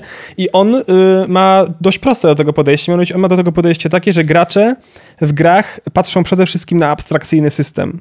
I on widzi system. Ja mam swojego awatara, tu mam jakieś obiekty i ja jestem nagradzany za to, że te obiekty, że z nimi koliduję. A drugorzędne zupełnie jest to, jaka jest wizualna otoczka tego. I dlatego jego zdaniem jakby szkodliwość tej wizualnej otoczki jest minimalna, bo gracza interesuje abstrakcyjny system, w którym on się zrobi coraz bardziej kompetentny, który on coraz lepiej rozumie, przez co się czuje coraz lepiej, bo ogarnia system, a ta jakby drugorzędna jest ta kwestia wizualna, dlatego jego zdaniem to nie jest takie bezpieczne. I znowu, moim zdaniem, jest to rzecz, o której też można dyskutować. Można. Czy faktycznie tak jest, ale yy, jakby też tak takie opinie są i wiadomo, dlatego mówię, że temat jest, jest obszerny. Może, może za kolejnym razem, jeżeli się nam zdarzy, to możemy pogadać wręcz o tym. Dobrze, tak zróbmy, bo przyszła mi do, do, do głowy kolejna rzecz, ale może rzeczywiście już nie będę jej zaczynał. No, no. Jeszcze No. z takich organizacy- organizacyjnych rzeczy to założyłem Discorda tego kanału Tak. i jest link pod filmem, także jak macie ochotę, to możecie kliknąć i się dodać do kanału. E, Nie ma tam jeszcze struktury żadnej, takiej konkretniejszej, co się tam będzie działo, więc wszystko można. mm, Nawet się ostatnio dyskusja taka pomiędzy game developerem a wydawcą gier e, wywiązała bardzo długa, co mnie trochę zaskoczyło. Tak, ale jak chcecie wyrazić jakiś e, pogląd na temat podcastu, czy nawet, czy nawet powiedzieć, co się Wam podoba, a co nie, to zapraszam śmiało. E, Akurat game developerzy są Discordowi bardzo, więc myślę, że będzie tam I gracze. większość i gracze. Tak. Tak, tak, tak. Coś o tych Dragonsach jeszcze chcemy, chcemy wrzucić? Jakieś masz przemyślenia z tego roku? A może, z, może nie z tego roku? Ogólnie, wiesz co, ja jestem dumny. Ja jestem dumny z e, małopolskiego game devu, jestem dumny z polskiego game devu i uważam, że byłem, byłem na kilku konferencjach za granicą. Raz byłem na GDC właśnie w 2017 w Kolonii w Niemczech. To było ostatnie GDC. No i beznadziejna była ta konferencja. Ona była beznadziejna. Budynek Mhm. był, wiesz, stary, brzydki, taki No, konferencyjny, no, no. biały, bez żadnego polotu. E, y, Kosztowało to dużo pieniędzy. Y, Miałem wejść, wejście do 20% tylko tych, bo resztę to były już VVI polskie. Mhm. O, też ciekawe. No tam ten bilet podstawowy Indie to był chyba 800 zł. E, no i miałem, miałem wstęp na, miałem do wyboru dwa, chyba nawet dwa albo nawet jeden e, wykład jakby w tym samym czasie. Nie miałem prawie wyboru w ogóle, bo Mhm. resztę, bo 80% wykłady były na VI Okej. polską tą. E, No i było słabo, no i jak pierwszy raz byłem tu na Digital Dragonsach widzę, no to, to po prostu niebo a ziemia, no było 10 razy lepiej. Mhm, mhm. I, I wiesz, Kolonia od, od, od Krakowa wcale nie jest tak daleko i bilet kosztuje, teraz kosztuje tyle samo, a wtedy był ten krakowski, ten tutaj na Digital Dragons był jeszcze tańszy. Mhm. Także jak wszystkich zachęcam, jak, jak tylko mm, jak tylko się chcecie wybrać, to jakby wschodni Polskę szczególnie i, i, i właśnie Digital Dragons Mhm. polecam, zapraszam obcokrajowców wszystkich, bo się na pewno nie zawiedziecie, bo jest super. Od siebie dodam, że ja znam tylko dwie polskie tak naprawdę konferencje, to jest właśnie Game Industry Conference i Digital Dragons. I ja myślę, że one sobie w ogóle nie robią konkurencji, ja myślę, że one się uzupełniają fajnie właśnie, A. bo Game Industry Conference ja jak tam jadę, to po tych trzech dniach e, trochę się tak czuję, jak nie, nie, studiowałem zaocznie, ale trochę się tak wyobrażam sobie, że mniej więcej po takim właśnie zjeździe zaocznym mógłbym się czuć. Aha. No, bo ja generalnie skupiam się tam na wykładach, na edukacji, chodzę na y, jakieś tam właśnie warsztaty, czy roundtable, czy wykłady i taki trochę jestem mózgowo wypruty po tym, ale usatysfakcjonowany i taki jest jakby dla mnie cel tego, przynajmniej mój osobisty cel, z którym tam się udaje. A Dragonsy to bardziej jest takie dla mnie prze, zjawisko networkingowe, związane z poznawaniem ludzi, yy, wyłapywaniem jakichś nowych trendów. Trochę też można zobaczyć, nad czym indie deweloperzy teraz siedzą, bo jest cały ten indie showcase. A, no właśnie, nie? grałeś w jakieś gry? Indie Ja, ja grałem akurat tylko w jedną. Tylko w jedną i ona nie, nawet nie była tak do końca indie, ona była troszkę już większego kalibru. e, To była gra e, Devil's Hunt. Studia, Devil's Hunt? tak, Liopi Games z Warszawy. A, Robiona zresztą na naszym ulubionym Unreal Engine A. 4. a. E, Ja od razu się zainteresowałem, bo, bo, bo tam tematy są takie niebiańsko-piekielne. Ja bardzo takie motywy w grach lubię. Są demony, jest piekło, są jakieś moce i tak dalej, nawiązania biblijne. Ja bardzo lubię Darksiders z tego powodu. Yy, bardzo lubię... Zresztą Diablo też tak nawet takie rzeczy ma. Ja bardzo lubię takie motywy w grach, w książkach, w filmach, więc zainteresowałem się, grałem w to. Natomiast yy, no jakby to też nie jest taka stricte gra indie moim zdaniem, bo tam jednak widać pewien konkretny budżet. Tak, no Liopi Games, e, kojarzę tę firmę, bo tam miałem kilku znajomych, którzy tam pracowali. To oni... Tak, to jest firma, która tam chyba kilkadziesiąt osób ten, ale muszę przyznać, że ci ludzie, którzy tam pracowali, nie mieli dobrego zdania o tej firmie. Nic nie wiem. Także Nie się wiem. chciałem właśnie... A, a, a gra wyglądała ok? Y, y, Gra, wygląda, gra przede wszystkim była buildem ze stycznia, a mieliśmy Aha. maj jak grałem, więc Aha. było tam kilka takich niedoróbek, na które zwróciłem uwagę, o których powiedziano mi, że, że są już zaadresowane w jakimś stopniu, bądź będą, tylko po prostu nie ma jeszcze stabilnego builda, który można pokazać nowszego. Natomiast znaczy, yy, ja wierzę w miarę w tą grę. Aha, no to mo- dobrze. mogę powiedzieć, że wierzę w to, że ona się rozwinie w coś ciekawego, co, co będę, będę chciał zagrać. Więc generalnie za bardzo indie w tym roku nie, nie, nie pograłem. A nie wiem, ty grałeś coś? Nie. Nie grałeś? Grałem w jeden program muzyczny. Był program muzyczny chyba przez czeskiego dewelopera robiony. Program muzyczny? Tak. I co to robi? No, jak Fruity Loops. Aha, program do y, DAW. DAW? no, nie, taki ale do, taki do bardziej, sampli bardziej, taki do tak, loopów. Do ale loopów. taki bardziej... Bardziej dla, wiesz, bliżej mu do Fruity Loopsa albo jakiegoś Music Makera. Okej, takiego czyli taki ten. raczej I, i to, i to, i to nawet loopów. taki, że e, chyba mogłeś sterować go ym, kontrolerem. A co wiesz, to, w taki ogóle, bardzo... co to w ogóle... W, dlaczego gra zostało to traktowane jako gra? Dlatego, że, co, gra, bo- dlatego, że ja wiem dlaczego. Dlatego, że gra muzyka. Nie wiem, stary. Ale to było, wiesz co, on był taki design, miał bardzo growy.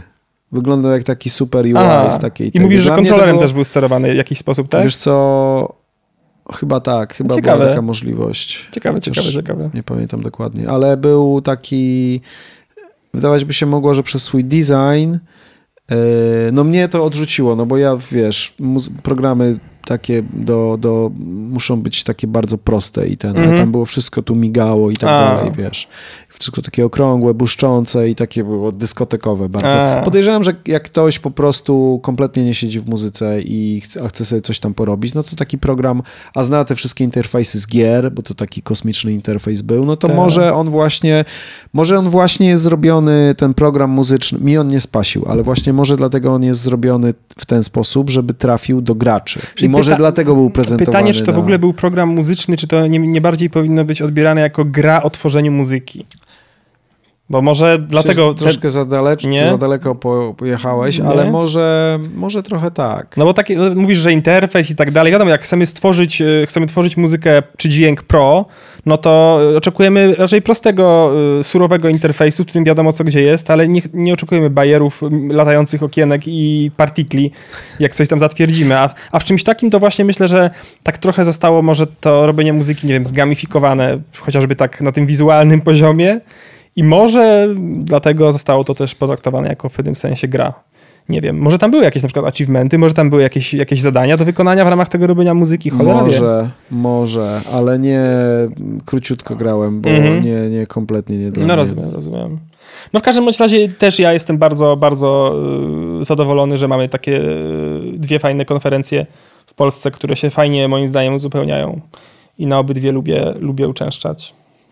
Czyli co, jest GIT w Poznaniu, Digital Dragons w Krakowie i jest coś jeszcze? No właśnie, nie- nawet jeżeli jest, to za specjalnie o tym nie wiem. Game deweloperskie?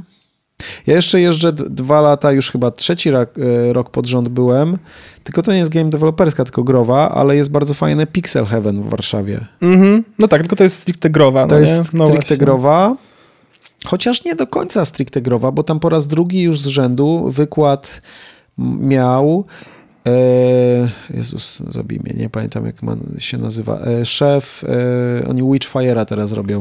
Adrian People, Chmielarz. People Can Fly, tak? No, Astronauts. Astronauts, tak. A Kiedyś, właśnie, Adrian, kiedyś on kiedyś tak, People Can Fly. tak, tak. E, Miał drugi raz właśnie wykład. E, No i to jest, wiesz, super, super, super był wykład, bo to jest ciekawy gość, ma fajne podejście do, do gier e, i do prowadzenia firmy i, i do procesu całego twórczego, więc jego już słuchałem, bo był w tym roku i w zeszłym roku. Mhm. I no i oprócz tego są panele dyskusyjne, jest, jest tam chyba Maciek Miąsik też bierze udział w tych panelach dyskusyjnych. Czyli jest tam też mowa o robieniu gier. Jest tam mowa o grze. robieniu gier. I jest tam też.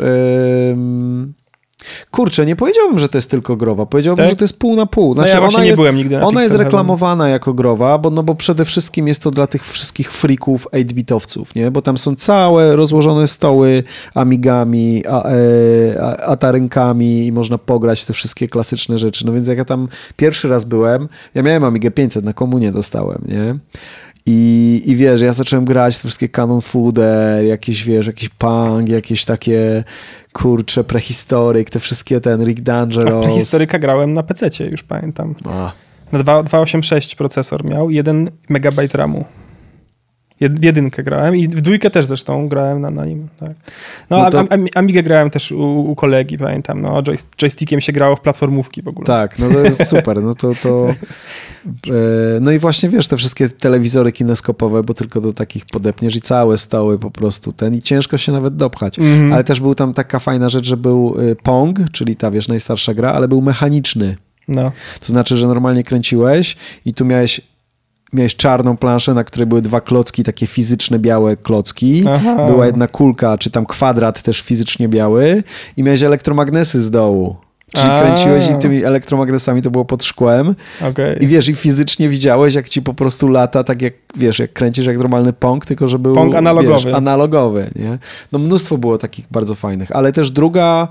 e, Drugie pomieszczenie było pełne indie game developerów, którzy swoje gry Tak. promowali i to były gry przeróżne na, prze, na i, i VR-owe, i na PlayStation, i na PC-ty, i nawet na komórki. I to nie, nie br- broń Boże, nie tylko 8-bitowe. Wszystkie, wszystkie przeróżne gry. Mhm, mhm, Więc mhm. spokojnie mogłeś e, spędzić tam dwa dni tej konferencji, mogłeś spokojnie spędzić tylko i wyłącznie grając w różne tytuły nowych gier, które są. Więc można to potraktować jako game, game deweloperską konferencję. To jeszcze mi się teraz przypomniało, że w, nie wiem, chyba w Katowicach jest, odbywa się coś, coś takiego jak Spread IT i to jest e, taka konferencja bardziej e, ogólnie dotycząca branży IT, ale ma jakby takie różne swoje panele, które są stricte powiązane z grami od, od niedawna. Aha. I, I tam też chyba nawet jakiś mój kolega miał tam, miał tam wykład. Więc jest Spread IT, który też e, jakby idzie w stronę gier. Natomiast nie, nie, wiem, nie, nie wiem, jakie to jest skali i ile tam jest o tych grach. Ale jak tak teraz sobie myślę, to rzeczywiście nie, nie wiem. No w Warszawie nic nie ma takiego? Myślę, że na pewno coś jest, ale nie wiem co, jeżeli jest. Nie wiem, nie wiem. Ja no tak tam... jakby, no mówię, tylko Dragons i, i Gits to są rzeczy, które powiedzmy ogarniam. To jeszcze jedną rzecz, już kończąc temat Dragonsów i konferencji.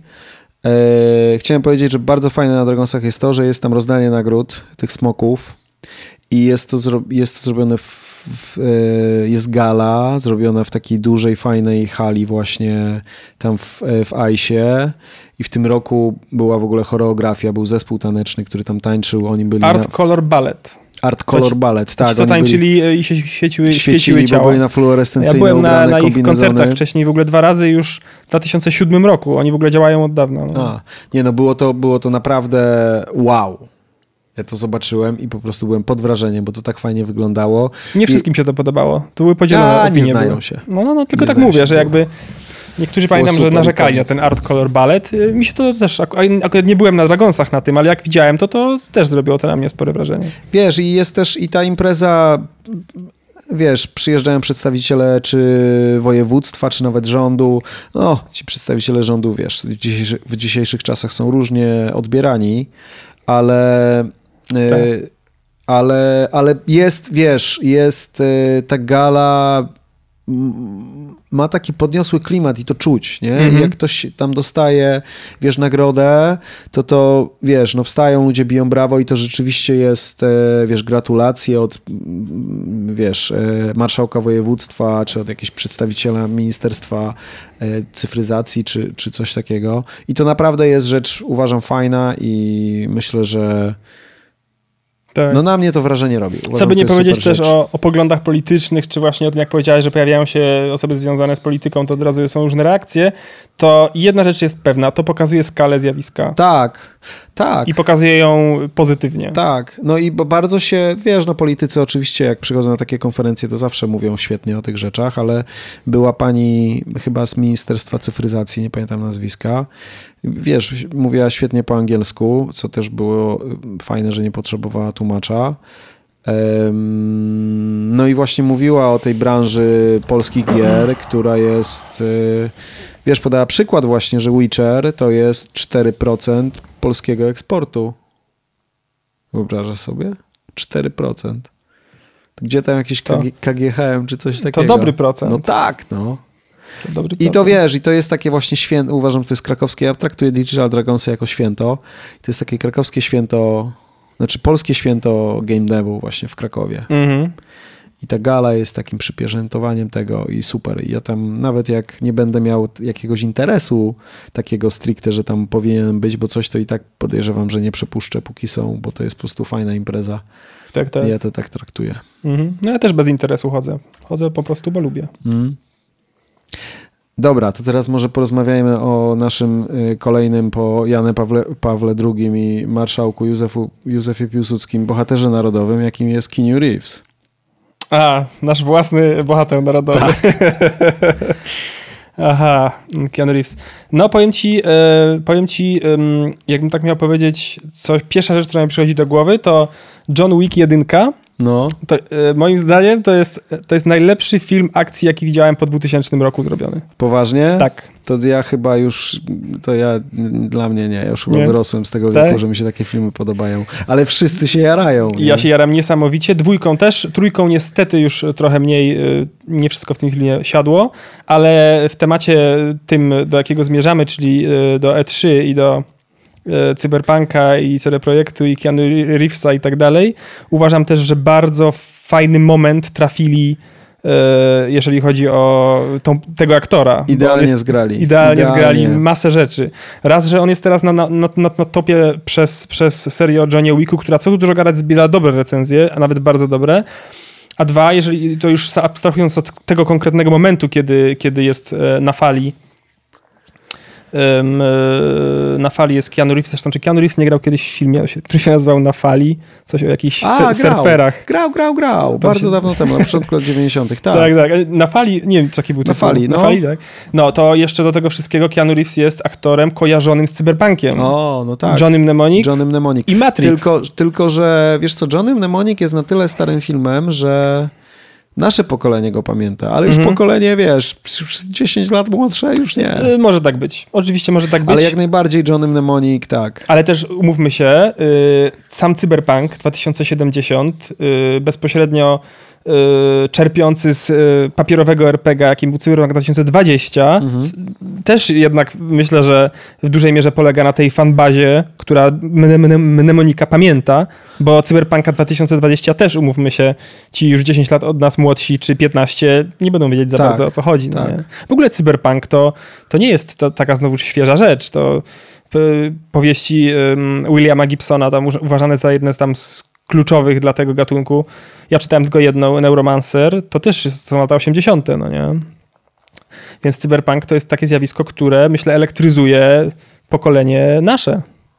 Moje, twoje. Mhm. Co nie znaczy, że nie zelektryzuje. Myślę, że zelektryzuje też młodsze w formie gry. Wiesz co, ale... wyszedł Blade Runner ostatnio nowy, nie? Blade Runner nowy, tak. Więc tak, myślę, tak, tak, że tak. on świetne przyjął, świetnie miał recenzję. Ja nie? byłem bardzo zdziwiony. Blade Runner to jest jeden z moich dziesięciu ulubionych filmów i ja byłem bardzo, bałem się tego nowego filmu. Tak? A ja nie oglądałem jeszcze. Tego starego? Nie tego nowego, nie nowego, starego okay. oglądałem. Okay, okay. Podobał ci się stary? Tak, tak, tak. Tylko wiesz co, nie no, oczywiście, bo on by absolutnie jest majstersztykiem, tylko Przede wszystkim, e, no tam były przede wszystkim zdjęcia piękne, e, sposób opowiadania historii był po prostu niesamowity, tylko tam była fabuła trochę prosta na dzisiejsze czasy. Jak masz dzisiejsze filmy science fiction, gdzie mają tak, które mają taką zawikłaną fabułę, to one mają dużo więcej tych plot twistów i tak dalej. A tam ta fabuła była taka, jakbyś dzisiaj przyszedł z takim scenariuszem, mm -hmm. to by mhm. ci nikt, nikt by cię pod, poważnie potraktował. To była, ale to jest moje wrażenie, z, mm -hmm. jak go oglądałem bardzo niedawno, wiesz, porównując tylko to. No ale no, oczywiście, się, bo to jednak... wiesz, zdjęcia i klimat i te... Klimat, muzyka. Och, to jest absolutne mistrzostwo. Tak, tak, tak. I klimat, tak.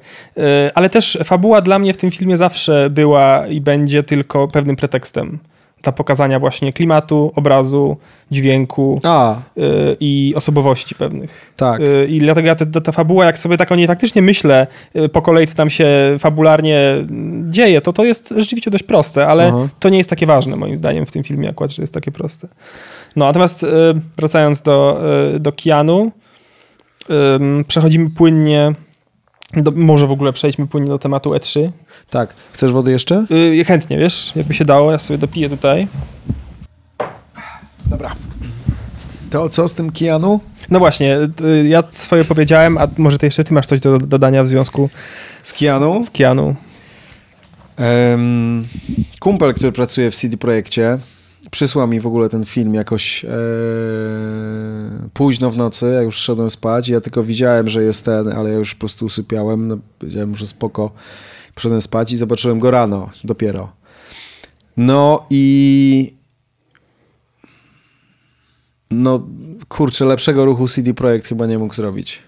Z, z, wymietli, myślę, całą, całą imprezę i to nawet um, kolega w pracy wysłał jakiś taki jakąś taką statystykę. Nie pamiętam już do końca, co to było, ale generalnie statystyka dotyczyła ogólnie rzecz mówiąc hype'u na te gry pokazane na E3 i no jakby e, Cyberpunk zdeklasował pozostałe. Tam no, było raptem, tak. tam był jakiś taki podział, nie wiem, czym ludzie się najbardziej tam ucieszyli, nie pamiętam dokładnie jaki tam był ten wyznacznik, ale w każdym razie Cyberpunk tam miał 30 kilka procent, a kolejna gra z rzędu miała już 15 i potem tam i szło potem w dół, no nie? Ta kolejna z rzędu to chyba, chyba to było Final Fantasy 7 remake, tak mi się wydaje, ale nie, nie, mam, nie, nie dam sobie głowy uciąć, ale w każdym razie no, wymietli, myślę, wymietli całkowicie. Nagle wszyscy zapomnieli o tym, że w Death Stranding Kojimy gra Mats Mikkelsen. To już nie miało absolutnie żadnego znaczenia momencie, jak tak. pojawił się Keanu Reeves i ściągnął te, te, te okulary. Efekt był niesamowity. No już nie ma co się rozpływać w zachwytach, bo Mhm. chyba wszyscy, wszyscy, to, wszyscy Tak, to tak. wiedzą. No ja, to jest znowu kolejna rzecz, która, która mnie napawa dumą. E, I, I to wiesz, fajne też, że, że oni tę grę zrobią. No nie wiem, co by się musiało stać, żeby ta gra nie wyszła. Mhm. Nie, nie, nie, znaczy to, to nie, nie ma szans, żeby ona nie wyszła. No, nie? Znaczy w sensie nie wyszła, żeby nie była dobra. A, żeby nie wyszła, a, to żeby nie była dobra. E, Bo, No tak, tak. no bo oni, wiesz, no po po Witcherem udowodnili, że, że się znają na RPG-ach. Tak. E, I, a też, też to, co jest, e, to, co się mówi o CD Projekcie, że to chyba najlepsza ekipa, która mogła zrobić adaptację właśnie Cyberpunka, dlatego, że przecież Wiedźmin też jest adaptacją już istniejącej historii. Mhm. No więc oni się znają na tym. Znają się natomiast właśnie tutaj, to co teraz wymieniłeś, dla mnie ewentualnie jest tylko jednym punktem, który może być niepokojący, że jednak e, ta ekipa deweloperska, czyli CD Projekt Red, do tej pory doświadczenie miał e, właśnie tylko z fantazy i tylko z fantazy opartym na bardzo konkretnej prozie, gdzie był bardzo konkretny scenariusz, bardzo konkretne postacie i bardzo konkretnie opisany świat. A w, a w grze tej tabletopowej Cyberpunka tak nie ma? E, właśnie to jest już troszkę bardziej ogólne. Tak? Tam jest opisany ten świat, tak, on, oczywiście to jest gra RPG, tam był opisany świat, b- natomiast tam nie było tak stricte jakiejś fabuły, no bo to była gra, do której sami wymyślaliśmy fabułę. Ja sam grałem w nią w podstawówce i wczesnym liceum i to jakby samemu w oparciu o pewien świat, opisany też nie bardzo szczegółowo, to opisany dość ogólnie mimo wszystko, tworzyło się własne historie i się wymyślały. To jest trochę co innego. Także oni tutaj Czyli mają- myślisz, że to może być problem? Moim zdaniem to nie będzie dla nich problem. Jedyne co, to moim zdaniem mają tutaj trudniejsze zadanie. Aha. Moim zdaniem mają tutaj trudniejsze zadanie, będą musieli y, trochę w, innym, y, w innych warunkach pracować. y, Mniej rzeczy mają dane na tacy po prostu. Bo umówmy się, znaczy ja, ja w ogóle jestem fanem y, książek Sapkowskiego, nie, niesamowitym. To jest jeden z moich ulubionych pisarzy. Wiedźmin to jest jeden z moich ulubionych y, cykli książkowych ever. Myślę, że moja pierwsza trójka. I tam jednak bardzo, to było bardzo dobre i tam było bardzo dużo rzeczy, które można było przenieść do gry tak o. I, i działały. Mhm.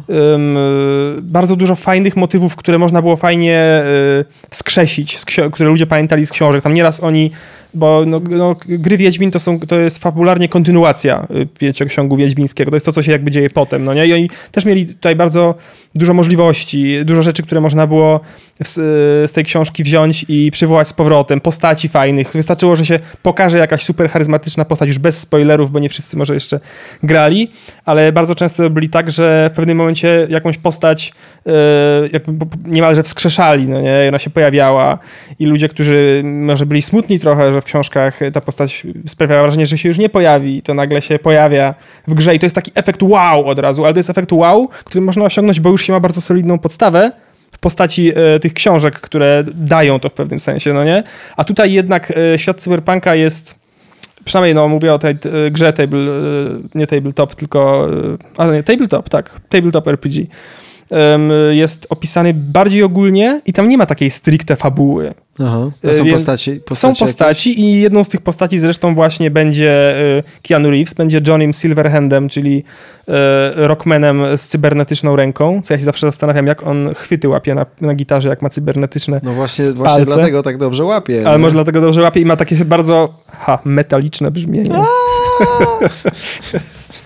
Ojej, dobra, dość. E, W każdym razie e, tak, więc e, postać znana z gry się przewija. No, nie zmienia to faktu, że trochę proces twórczy na pewno musiał tu wyglądać inaczej, więcej było autonomii, ale ja mam zaufanie, że będzie dobrze. Super. No, jak już jesteśmy przy E3, to można trochę pogadać o E E3. Pewnie. Co jest, bo ja wiesz, ja tylko Cyberpunk w ogóle Mm, i no, ten, no. już reszta może nie istnieć. Tak. Trochę, trochę widziałem mm, jakieś rzeczy. No właśnie, co widziałeś? Obyło się, jakieś, jakieś widziałem, nie, nie wiesz, no nie sposób chyba uwierzyć wszystko, ale widziałem tylko skróty jakieś. o, wiesz, i- niektórzy dają radę i to Tak? jeszcze na, na żywo w dodatku. Wow. Ale odbyło się bez jakichś takich wpadek totalnych, nie? Ym, a propos Chyba. wpadek, bo no tak, no tak, też mi się tak wydaje, że się było bez wpadek. Ja jak yy, zaprosiłeś mnie na podcast i mm, mówiliśmy, że będziemy między innymi gadać o E3. Ja tak sobie pomyślałem, o, o, czym można powiedzieć w sumie w kontekście E3. Nie wydaje mi się, że jest sens omawiać po kolei wszystkie gry, jakie zostały tam. Zresztą ja też nie jestem w stanie wymienić nawet połowy z nich, bo bo nie, ale, ale tak pomyślałem sobie o trzech rzeczach, które w kontekście E3, chciałbym powiedzieć o trzech rzeczach. Okay. I jedną z nich na pewno byłby, byłby właśnie Keanu e, i Cyberpunk, co już powiedzieliśmy. I tu też nie ma sensu, tak jak mówisz, e, się za bardzo rozwodzić, bo to po prostu wiadomo, wielka rzecz się stała i, i jakby to był, myślę, highlight tego eventu ale też mm, o jednej rzeczy i dwie, dwie inne rzeczy jeszcze właśnie chciałbym poruszyć w kontekście tego eventu I jedną z nich jest, y, są przecieki. Może to jest mało interesujący temat, ale mnie to ciekawi. Nie, no pewnie, bo y, zarówno w tym roku, jak i rok temu, jak podejrzewam bardzo często wcześniej, bardzo dużo jest przed tą imprezą przecieków. Wiadomo, y, nagle wyciekają jakieś trailery, jakieś materiały.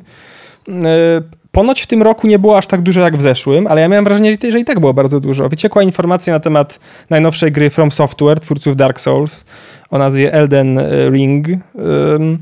Wyciekły, e, wyciekło generalnie dużo różnych informacji o różnych grach i różnych rzeczach, które tam miały miejsce. I ja się teraz zastanawiam, jak to jest z tymi wyciekami? Czy to wszystko to są na pewno wycieki? Tak, to jest dobre pytanie. No właśnie. To jest dobre pytanie, bo to jest strategia marketingowa mm. bardzo często. Ciężko uwierzyć, że nie jest. Przecież jeżeli to już jest bardzo fajny, dużo fajniejszym nagłówkiem dla nowego trailera gry jest wyciekł trailer gry niż, niż oto trailer gry. No oczywiście. No nie jest trochę tak? Oczywiście. A co, a co twórcom szkodzi e, nazwać, że to wyciekło? Zorganizować to nawet w taki sposób, jak gdyby to wyciekło. Przecież to nie jest przestępstwo a oglądalność automatycznie jest większa przecież takiego czegoś, co wyciekło. Ludzie też się cieszą. Ludzie lubią, ja zauważyłem, że um, gracze, e, fa, tacy fani, gracze, fani różnych tam serii konkretnych i, i tak dalej, oni lubią wcześniej wiedzieć wszystko. No tak. tak oni e, siedzą na jakichś takich specjalnych forach właśnie, gdzie są przecieki najnowsze, gdzie są najnowsze, nie, niesprawdzone informacje. I to jest też takie trochę, myślę, łechtanie tej, tego takiego, ich, tej takiej ich chęci do wiedzenia wcześniej. No I to nie? myślę, że to jest ten sam mechanizm, który wpływa na to, że oni kupują w preorderach gry. O tak, preordery to też jest kolejne, to jest w ogóle, ktoś, kto wymyślił preordery, miał taki web do interesów. Ale to wiesz co, to nie trzeba daleko szukać. W muzyce też są preordery, tak no. samo. Albumy no. też się w preorderach sprzedają. No. Ja nie, nie no, oczywiście preordery są poza grami również, co zmienia faktu, że na przykład ja nigdy nic w preorderze nie zamówiłem. Ja też nie. Bo... Ja, nawet, ja nawet rzadko mi się zdarzyło ja chyba nigdy nie kupiłem e, gry w dniu premiery, albo nawet w przeciągu tego samego tygodnia. Też mi się wydaje, że, że nawet w przeciągu tego samego tygodnia, nie... zwłaszcza teraz, kiedy to wychodzi zabagowane wszystko jak Diabli. Wiesz co? I tak chyba, trzeba czekać dwa tygodnie. Chyba, chyba jedyną grą, którą tak kupiłem bardzo szybko, to był Cuphead właśnie. Okej. Okay. Bo jak ją zobaczyłem, to sobie myślę, no nie, no ta gra po prostu tak wygląda, no że ja muszę mieć. Musisz nie? mieć. Muszę mieć, bo to jest, to na, nawet po to, żeby mieć jako jako rzecz, że przyjdzie mi, kurczę, nie wiem, jakiś ktoś, yy, wiesz, reżyser teatralny na przykład, który nie ma pojęcia o grach, to ja mu dam tę grę, żeby pokazać, patrz jakie gry robią, nie? Albo ktoś, kto jest fanem powiedzmy starych filmów, nie ma pojęcia o grach i mu właśnie mm -hmm, pokaże, żeby mm -hmm. mieć, wiesz, że to jest po prostu absolutne kuriozum w świecie no, gier, że... No i musiałeś mieć. Tak, tak. więc to, to chciałem, ale oczywiście gram, gram w nią. Mm -hmm. trochę mi się tam nie podoba to, że jest strasznie dużo bossów. Jakby na początku były, były plansze, a później już były tylko bossowie, bossowie, mm -hmm, bossowie. Mm, też tak słyszałem właśnie, że jest. I to jest słabe, bo ja nie mogę przejść bossa któregoś, notabene tego samego co Tina, która tu siedziała, też nie mogła przejść. I to jest, i to jest właśnie jej boss, którego ona rysowała. Ona rysowała, ale tak. no mechanik nie projektowała, więc, no więc nie. nie. umie przejść. No, no, nie. no w każdym razie, no, no właśnie, no i te preordery, yy, a wcześniej właśnie wycieki. Wiedzieć wcześniej, mieć wcześniej i takie to właśnie e, bazowanie na tym, nie chcę powiedzieć żerowanie, bo, no bo nie, bo, bo, bo, bo to jest po prostu marketing. Ja zastanawiam się,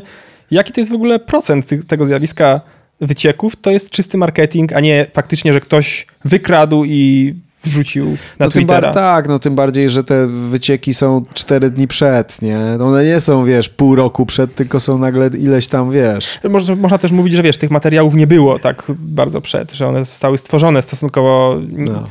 No, no nie wiemy, dywagujemy sobie, ale teraz właśnie wiesz chciałem co, tak sobie podywagować. Wiesz co, wydaje mi się, że można można tak stwierdzić, że jeśli wycieka coś, co jest gotowe, do końca dopięte, no to jest duża szansa, że to jest pre prefabrykowany. Mhm. Prefabrykowany, znaczy fabrykowany wyciek. Fabrykowany wyciek, no właśnie. A powiedz mi, na przykład w świecie muzyki yy, też zdarzają się na przykład wycieki, że wycieka fragment płyty w nagraniu studia nagraniowego? Zdarza się tak. Pol na polskim podwórku tego nie kojarzę, żeby coś takiego było. Mhm. Ale yy, za granicą się zdarzało. Mhm. Zdarza mhm. Nie pamiętam już konkretnie co, ale się zdarzało. No Była zawsze... raz taka sytuacja chyba, że że że Peja wydawał swoją płytę, to było ładnych parę lat temu, kiedy on tam był, rzeczywiście miał bardzo duży ten mhm. i on miał w samochodzie swoją płytę i coś takiego było, że mu ukradli radio chyba z samochodu z tą płytą, czy, czy ukradli mu radio, ale bez tej płyty. Mhm. mhm. Coś takiego mówił przed gdzieś... sprzedażą Tak, płyty, że to no. była jakby master, który tam, wiesz, no, ostatnie no szlify jakieś i miała iść do, miała iść do tego. Um, Coś takiego pamiętam, że, że w wywiadzie mówił, ale to chyba tak, że mu się, że, że mhm. było blisko, że, się, że, że, że to się nie wydarzyło, ale mhm. było blisko. Bo tak samo w świecie muzyki można zadać pytanie, na ile to też jest marketing. Tak, no są, no, no a no. no. Nie, nie wiem, ale właśnie tak jak, jak czytam o tych wyciekach i co i już właśnie wycieki, wycieki, wycieki. wyciek... mikrofon do, do tego bardziej, bo... No, Aż Nawet się nim, możesz się, go tak. Aż się nim walnąłem. E, wyciek tu, wyciek tam. E, cała lista e, właśnie takich wycieki, przecieki, właśnie przecieki, wycieki, nie wiem. Tych przecieko-wycieków i sobie myślę, no nie ma bata, żeby to nie było w jakiś sposób sterowane. Częściowo przynajmniej. Nie wierzę po prostu w takie baje. Że moim zdaniem to jest po prostu znaczy, strategia. są wycieki, bo były takie sytuacje, że któreś yy, X-Meni wyszli, yy, wyciekli bez efektów specjalnych. X-Meni to byli? Któryś to film. nie pamiętam. Bez Któryś efektów. film, bez efektów. No, przed premierą, nie wiem, tydzień, dwa tygodnie. Mm -hmm. Wyciekli przed pre... Y, bez efektów, że wiesz, green, na green screenie czy ten, tak, tak, ten, rozumiem, ten, rozumiem, zielone rozumiem. te. Wiesz co, że to, najbardziej... i, to, i, to, raczej nie było. No nie, to na 100%, to na 100% nie było. Najgorsze stary jest to, że byli ludzie, którzy to właśnie przez, przez ten mechanizm, co mówi, że chcą jak najwcześniej, którzy to oglądali. Mhm. I sobie zrobili spoilery. I Ale jeszcze... nie no, oglądali film, który jest w ogóle w połowie zrobiony. Ale w ogóle nie? właśnie zrobili sobie spoilery na niegotowym filmie, ale fabularne spoilery były, no bo przecież y, fabuła jest, green screenów nie ma, znaczy są green screeny. Ale jest też no, scenariusz. Nie, tylko, że, tylko właśnie to, to, to, mnie dziwiło, że jak ktoś sobie ceni tak, żeby, że chce, ceni sobie tak dzieło i nie jest w stanie poczekać, aż to dzieło będzie gotowe, żeby je obejrzeć czy doświadczyć, no to... Dokładnie i dokładnie dlatego, z tego powodu ja na przykład nie kupuję gier na premierę, a nawet czekam kilka tygodni, bo teraz po prostu gry, które wychodzą na premiery w większości są, umówmy się, niegotowe. Mhm. One nie są gotowe. One są zabugowane, one... Już, już nie mówię w ogóle o wydawaniu potem jakichś do nich e, kontentów dodatkowych, to jest jeszcze inna historia, ale mówię o tym, że te gry są niegotowe, są zabugowane, mają błędy, Często są to błędy, które uniemożliwiają ukończenie pewnych questów czy całych fragmentów gry. Czasem nawet są to. Nie wiem, czy w ostatnim czasie zdarzyła się gra, która wyszła z bugiem blokującym e, główny wątek. Nie kojarzę na pewno, ale no. No, no ja pamiętam, jak w 2015 roku wyszedł na pecety Batman Arkham Knight, ostatnia część Batmana z serii Arkham. On wyszedł bodajże w czerwcu i był tak zepsuty, że wycofywano normalnie pudełka ze sklepów. I dopiero przesunięto premierę na październik. Ojejku. No więc tak, y, i, i, i co ci wszyscy, którzy, którzy się zrobili preordery, y, sobie pomyśleli wtedy, ja się zastanawiam. No, mm, y, no więc. Więc tak to jest z tymi, z tymi wyciekami. No więc mnie to za, za, zainteresowało w kontekście akurat tym razem E3, bo, bo, bo przynajmniej z mojej perspektywy było y, tych wycieków dużo, ale koledzy moi, którzy są lepiej zorientowani, mówili, że, że, bywało, więcej. że bywało więcej, no nie, no. że było jeszcze więcej. I dlatego ja zacząłem się zastanawiać, nad w ogóle istotą tego zjawiska i na tym, na ile y, jest ono sterowane. Mhm. Ale może spiskuję tutaj trochę za bardzo. Mhm. No i to jest jedna, jedna rzecz, yy, o której chciałem w kontekście tego E3 powiedzieć, że bardzo dużo na temat E3 było wiadomo przed E3. Czyli właśnie to. A, a druga rzecz, myślę, że ważniejsza i myślę, że w ogóle to jest bardzo ważna rzecz, o której się za mało mówi. A trzeba o niej mówić dobitnie. Ojejku, co to jest? To jest, e, to jest to, co pokazał Microsoft co się nazywa xCloud. I to jest technologia, która umożliwia granie w gry w chmurze, streamowanie ich ze zdalnego serwera z chmury na swój komputer, tudzież nie tylko komputer, urządzenie mobilne również. Um, na zas- I technologia, która tak naprawdę mówi się teraz, yy, zrewolucjonizuje zupełnie formę dystrybucji gier. Yy, kolejna super ciekawa rzecz z tym związana, jaka, jaka miała miejsce, to jest taka, że yy, w, na ostatnim numerze CD Action przeczytałem, że deala w tym temacie w ogóle dobił Microsoft z Sony. Wydawałoby się konkurenci PlayStation, Xbox, nie wiadomo co, a oni, oni po prostu w tym momencie już mają deal, mają jakąś umowę, będą wspólnie pracować nad rozwojem technologii chmurowych służących do y, dystrybuowania oraz y, grania w gry, no nie? I to jest temat duży o tyle, że y, no to zupełnie zmieni formułę. Można się spodziewać tego, że gry się z Netflixują w pewnym sensie, no nie? Że będziemy mieli serwisy, na których będziemy płacić regularny abonament, i po prostu klikamy sobie w jakąś grę. Będziemy grali. I gramy. I nawet nie, musi, nie będziemy musieli mieć dobrego komputera. Do, będziemy mogli zagrać na, no mówię, na komputerze byle jakim, albo nawet na telefonie. W gry. Tylko, że będzie trzeba mieć dobry internet. Dobry internet, tak. niski. Tak, to jest to. Y, jednym, mówi się, że jednym z warunków y, przejścia takiego pełnego na ten model jest powstanie tego, tej nowej generacji sieci 5G. 5G. 5G. Co teraz nie wiadomo, jak z tym będzie, bo to Chińczycy ponoć tutaj duży udział mieli, a teraz y, ta afera wyszła z Huawei'em mhm. i tym, że Chińczycy nas szpiegują za pośrednictwem swoich telefon, swoich marek. I też nie wiadomo, jak będzie z tą współpracą z nimi związaną z 5G. No, nie, tutaj szczegółów nie znam, ale w każdym razie to są wszystko wielkie rzeczy, które już tutaj już są i się mhm. dzieją. Google e, ma też swoją, e, swój e, jakby system, czy swoją platformę, to się nazywa Google Stadia mhm. i to też jest ich projekt, ich własny projekt konsoli, która tak naprawdę nie jest konsolą, na której będziemy sobie instalować gry, stawiać płytki, to jest po prostu konsola, która będzie korzystać z ich zewnętrznego chmurowego systemu, na którym będziemy grać z tego co przynajmniej wiem, tylko w gry, które są w takiej chmurze.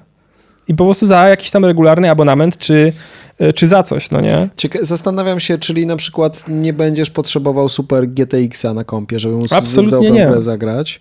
No. Czyli, a takie GTX-y ciągną bardzo dużo prądu, czyli się zastanawiam, czy w związku z tym nie spadnie zużycie prądu w komputerach, nie? Jeśli czy nie spadnie w ogóle korzystać. zużycie prądu? Znaczy, no tak. Czyli no.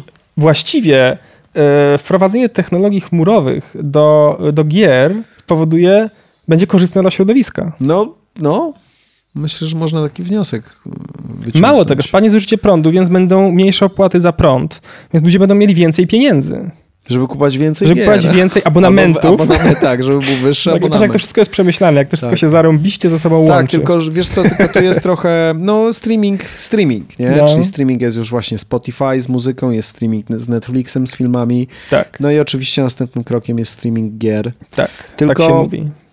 Tylko z jednej strony jest tak, że Niby Spotify jest fajny, bo masz dostęp, nie, nie, kupujesz już płyt, masz dostęp do wszystkiego z telefonu, mhm. ale z drugiej strony artyści, którzy tam mają swoją muzykę i są jacyś niszowi, dostają jakieś ultra małe pieniądze za wyświetlenie, za przesłuchanie utworu. To jest tam, że, za, że mają jednego grosza za 100 przesłuchań chyba, czy jakieś, wiesz, takie, że takie... Tak. Wiesz, jeszcze to jest tak ustalane, że inny procent ma Beyoncé, a inny procent ma, wiesz, jakiś niszowy artysta. Tak. Um, no więc się zastanawiam, czy to się może negatywnie nie odbije na um, na deweloperach. Dokładnie o tym chciałem powiedzieć w następnej kolejności, że to jest, jest rewolucja, ale to jest też rewolucja dokładnie od drugiej strony, patrząc od naszej strony, od strony twórców gier. I tutaj jest pewien duży pytajnik. Jak na tym będą teraz deweloperzy zarabiać? -huh. na, na, tej formie dystrybucji, no nie?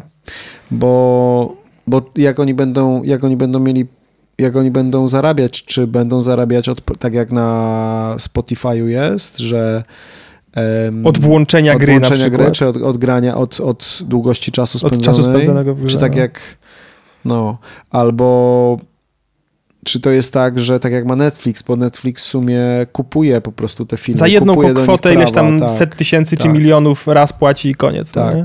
No, no, no. Teraz masz, wiesz, teraz czy na Steamie, No Steam oczywiście bierze tam swoją 30%, co ludzie uważają, że jest dużo, no ale Mhm. Epic już bierze tylko 12%. Mhm. E, Epic Launcher, procentów ze sprzedaży gry, no ale masz tak, że robisz grę, wrzucasz ją na Steama i ją sprzedajesz. Jak ją dobrze sprzedajesz, to zarabiasz kasę, jak słabo, no to nie Tak, zarabiasz. tak. I to 30%, mówmy się, nie jest tutaj aż tak ważne. Jeżeli miałbyś na swojej grze nie zarobić, to cię to nie uratuje też za Tak, bardzo, czy to jest oczywiście, 30% czy oczywiście. 20%. No. Em, no więc nie wiadomo, jak będzie z takim streamowaniem, No, bo może no. być, że, że to chyba będzie wyglądało.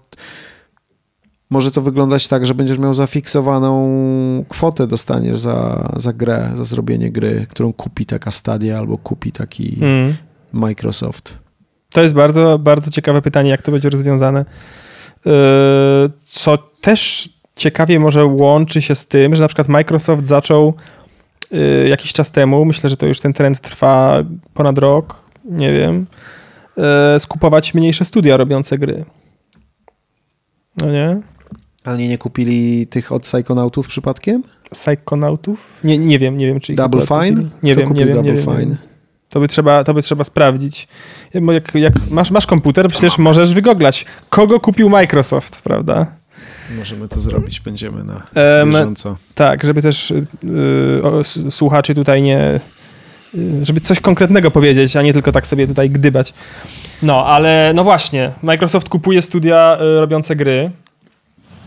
Więc też, jak to się teraz ma do tego, że równocześnie tworzą platformę do ich dystrybucji? Mhm. To jest bardzo ciekawe. Co to tam, co to tam się będzie działo z tym wszystkim, z całym tym streamowaniem, no? A ty jako gracz chciałbyś tak sobie y, streamować gry zamiast mieć je? Wiesz co, no tak, powiem ci, że Spotify mi bardzo odpowiada na Tak? przykład, jeśli chodzi o słuchanie muzyki, bo ja mam ochotę sobie posłuchać czegoś. Wiesz, czasem jest tak, że chcę czegoś po prostu przesłuchać i często jest tak, że słucham albumu raz albo nawet słucham pierwszych trzech kawałków Mhm. i mi się nie chce tego słuchać Mhm. dalej. Mhm. A wiesz, no to wydać 30 zł na album po to, żeby trzy pierwsze kawałki przesłuchać, no to Mhm. to jest słabo. Tak. Em, no więc na Spotify mogę to zrobić jakby z czystym sumieniem. Płacę ten abonament, którego nie czuję, bo on mi jakoś jest ściągany co miesiąc z karty. Mhm. I, No. i tak, no, no jako gracz wydaje mi się, że to może być spoko, ale No nasuwa się pytanie, co... co, game developer właśnie nie wiem. co na przykład z takimi, e, co z grami, które mają długi czas życia, no nie? Aha. Bo są też przecież takie gry, w które ludzie grają latami. Spędzają w nich tysiące godzin. MMO yy, i tak dalej. No nie? Jak to się będzie miało do tego? W sumie dlaczego miałoby się jakkolwiek to różnić? Nie wiem. To kogo ten Microsoft kupił? Masz tam coś ciekawego? Tak, Microsoft announced it is doubling its game development studios by adding five new creative teams to the Microsoft Studios family. The initiative, based in Santa Monica, California. Um, Playground Games, UK. Force zrobili tą Mm. ścigałkę. To nie są- Ninja, bo- Ninja Theory. No właśnie, bo to nie są jakieś takie byle jakie studia, Tak. on po prostu kupuje dużych graczy, no nie? Undead Labs. Tacy takich prawie, prawie dużych Mhm, graczy. mhm. Undead Labs, State of Decay 2, Mhm, Compulsion Games, We Happy Feet. mhm. A no właśnie, no to we, we, oni, zrobili, oni zrobili pierwszą grę Kontrast. Widziałeś Kontrast? Mhm. No to Kontrast jest super grą, polecam. I Okej. oni później zrobili We Happy Few. No to We Happy Few niestety już nie jest taką fajną grą, bo Mhm. właśnie podobno było tak, że im się zaczął Microsoft mieszać w produkcję bardzo i oni przesuwali premiery i jakoś tam z takiego fajnego indie studia, które robili fajne rzeczy, mm, zaczęła im się włączać duża korporacja i coś nie do końca im później ten game development wyszedł na końcu. Mhm. Mówię jakąś z tego, co słyszałem, bo nie pamiętam dokładnie.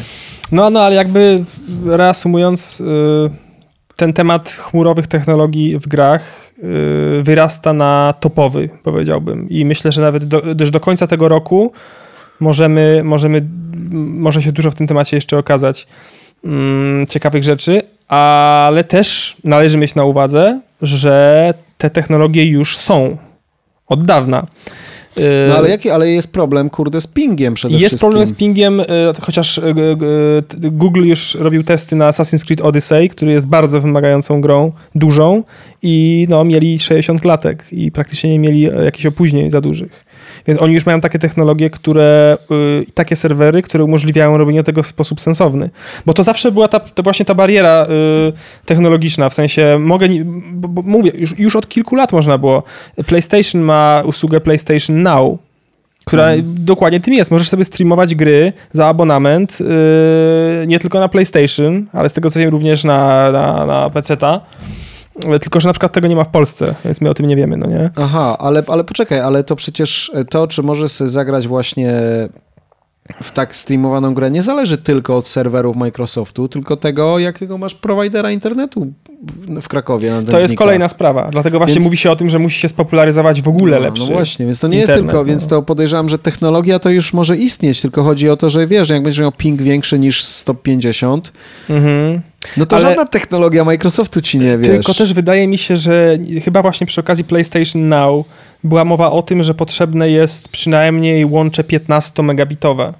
No to mhm. nie wiem, ja w UPC już miałem 120 megabitowe od kilku lat. Tak, tylko że chyba ping to, to było jakiś tam, to jest już jakiś tam standard, no nie? Tylko, że ping to jest chyba co innego niż, niż przesyły to... na sekundę. Znaczy, no jest to powiązane wszystko ze sobą, no nie? Ale spe specjalistą od, od działania, działania, działania sieci nie jestem, więc, więc, więc też się nie wypowiem. Nie mhm. zmienia to faktu, że y, te technologie już y, według tych czołowych graczy, takich jak Google czy Microsoft, te technologie już są i ping już nie jest w zasadzie takim problemem, jakim kiedyś był, no nie? No na pewno jest, jest, jest postęp. I dlatego między innymi te usługi, chociaż już były, ja nawet y, sobie wygooglałem temat i, i tych usług było dużo.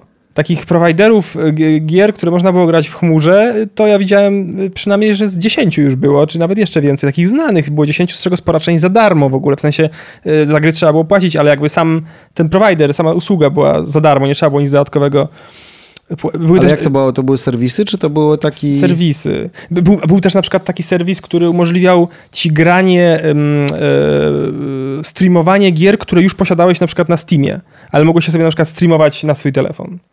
Na, na, tej zasadzie, no nie? Nie pamiętam nazwy w tym momencie, ale różne były serwisy i to wszystko było, tylko po prostu procent jakby, y, bardzo mały mimo wszystko procent graczy z tego w ogóle korzystał, no bo jednak cały czas jest, panuje to przekonanie, że że, że jest problem z, chociażby właśnie z pingiem. Ale to, co y, y, lansował Microsoft na E3, pokazuje, no, że cisną bardzo mocno na to i będą cisnąć coraz mocniej, żeby przekonywać ludzi, że to jest przyszłość, no nie? Tak jak na początku ludzie chcieli mieć pudełka, nie chcieli mieć y, Steama. To jest...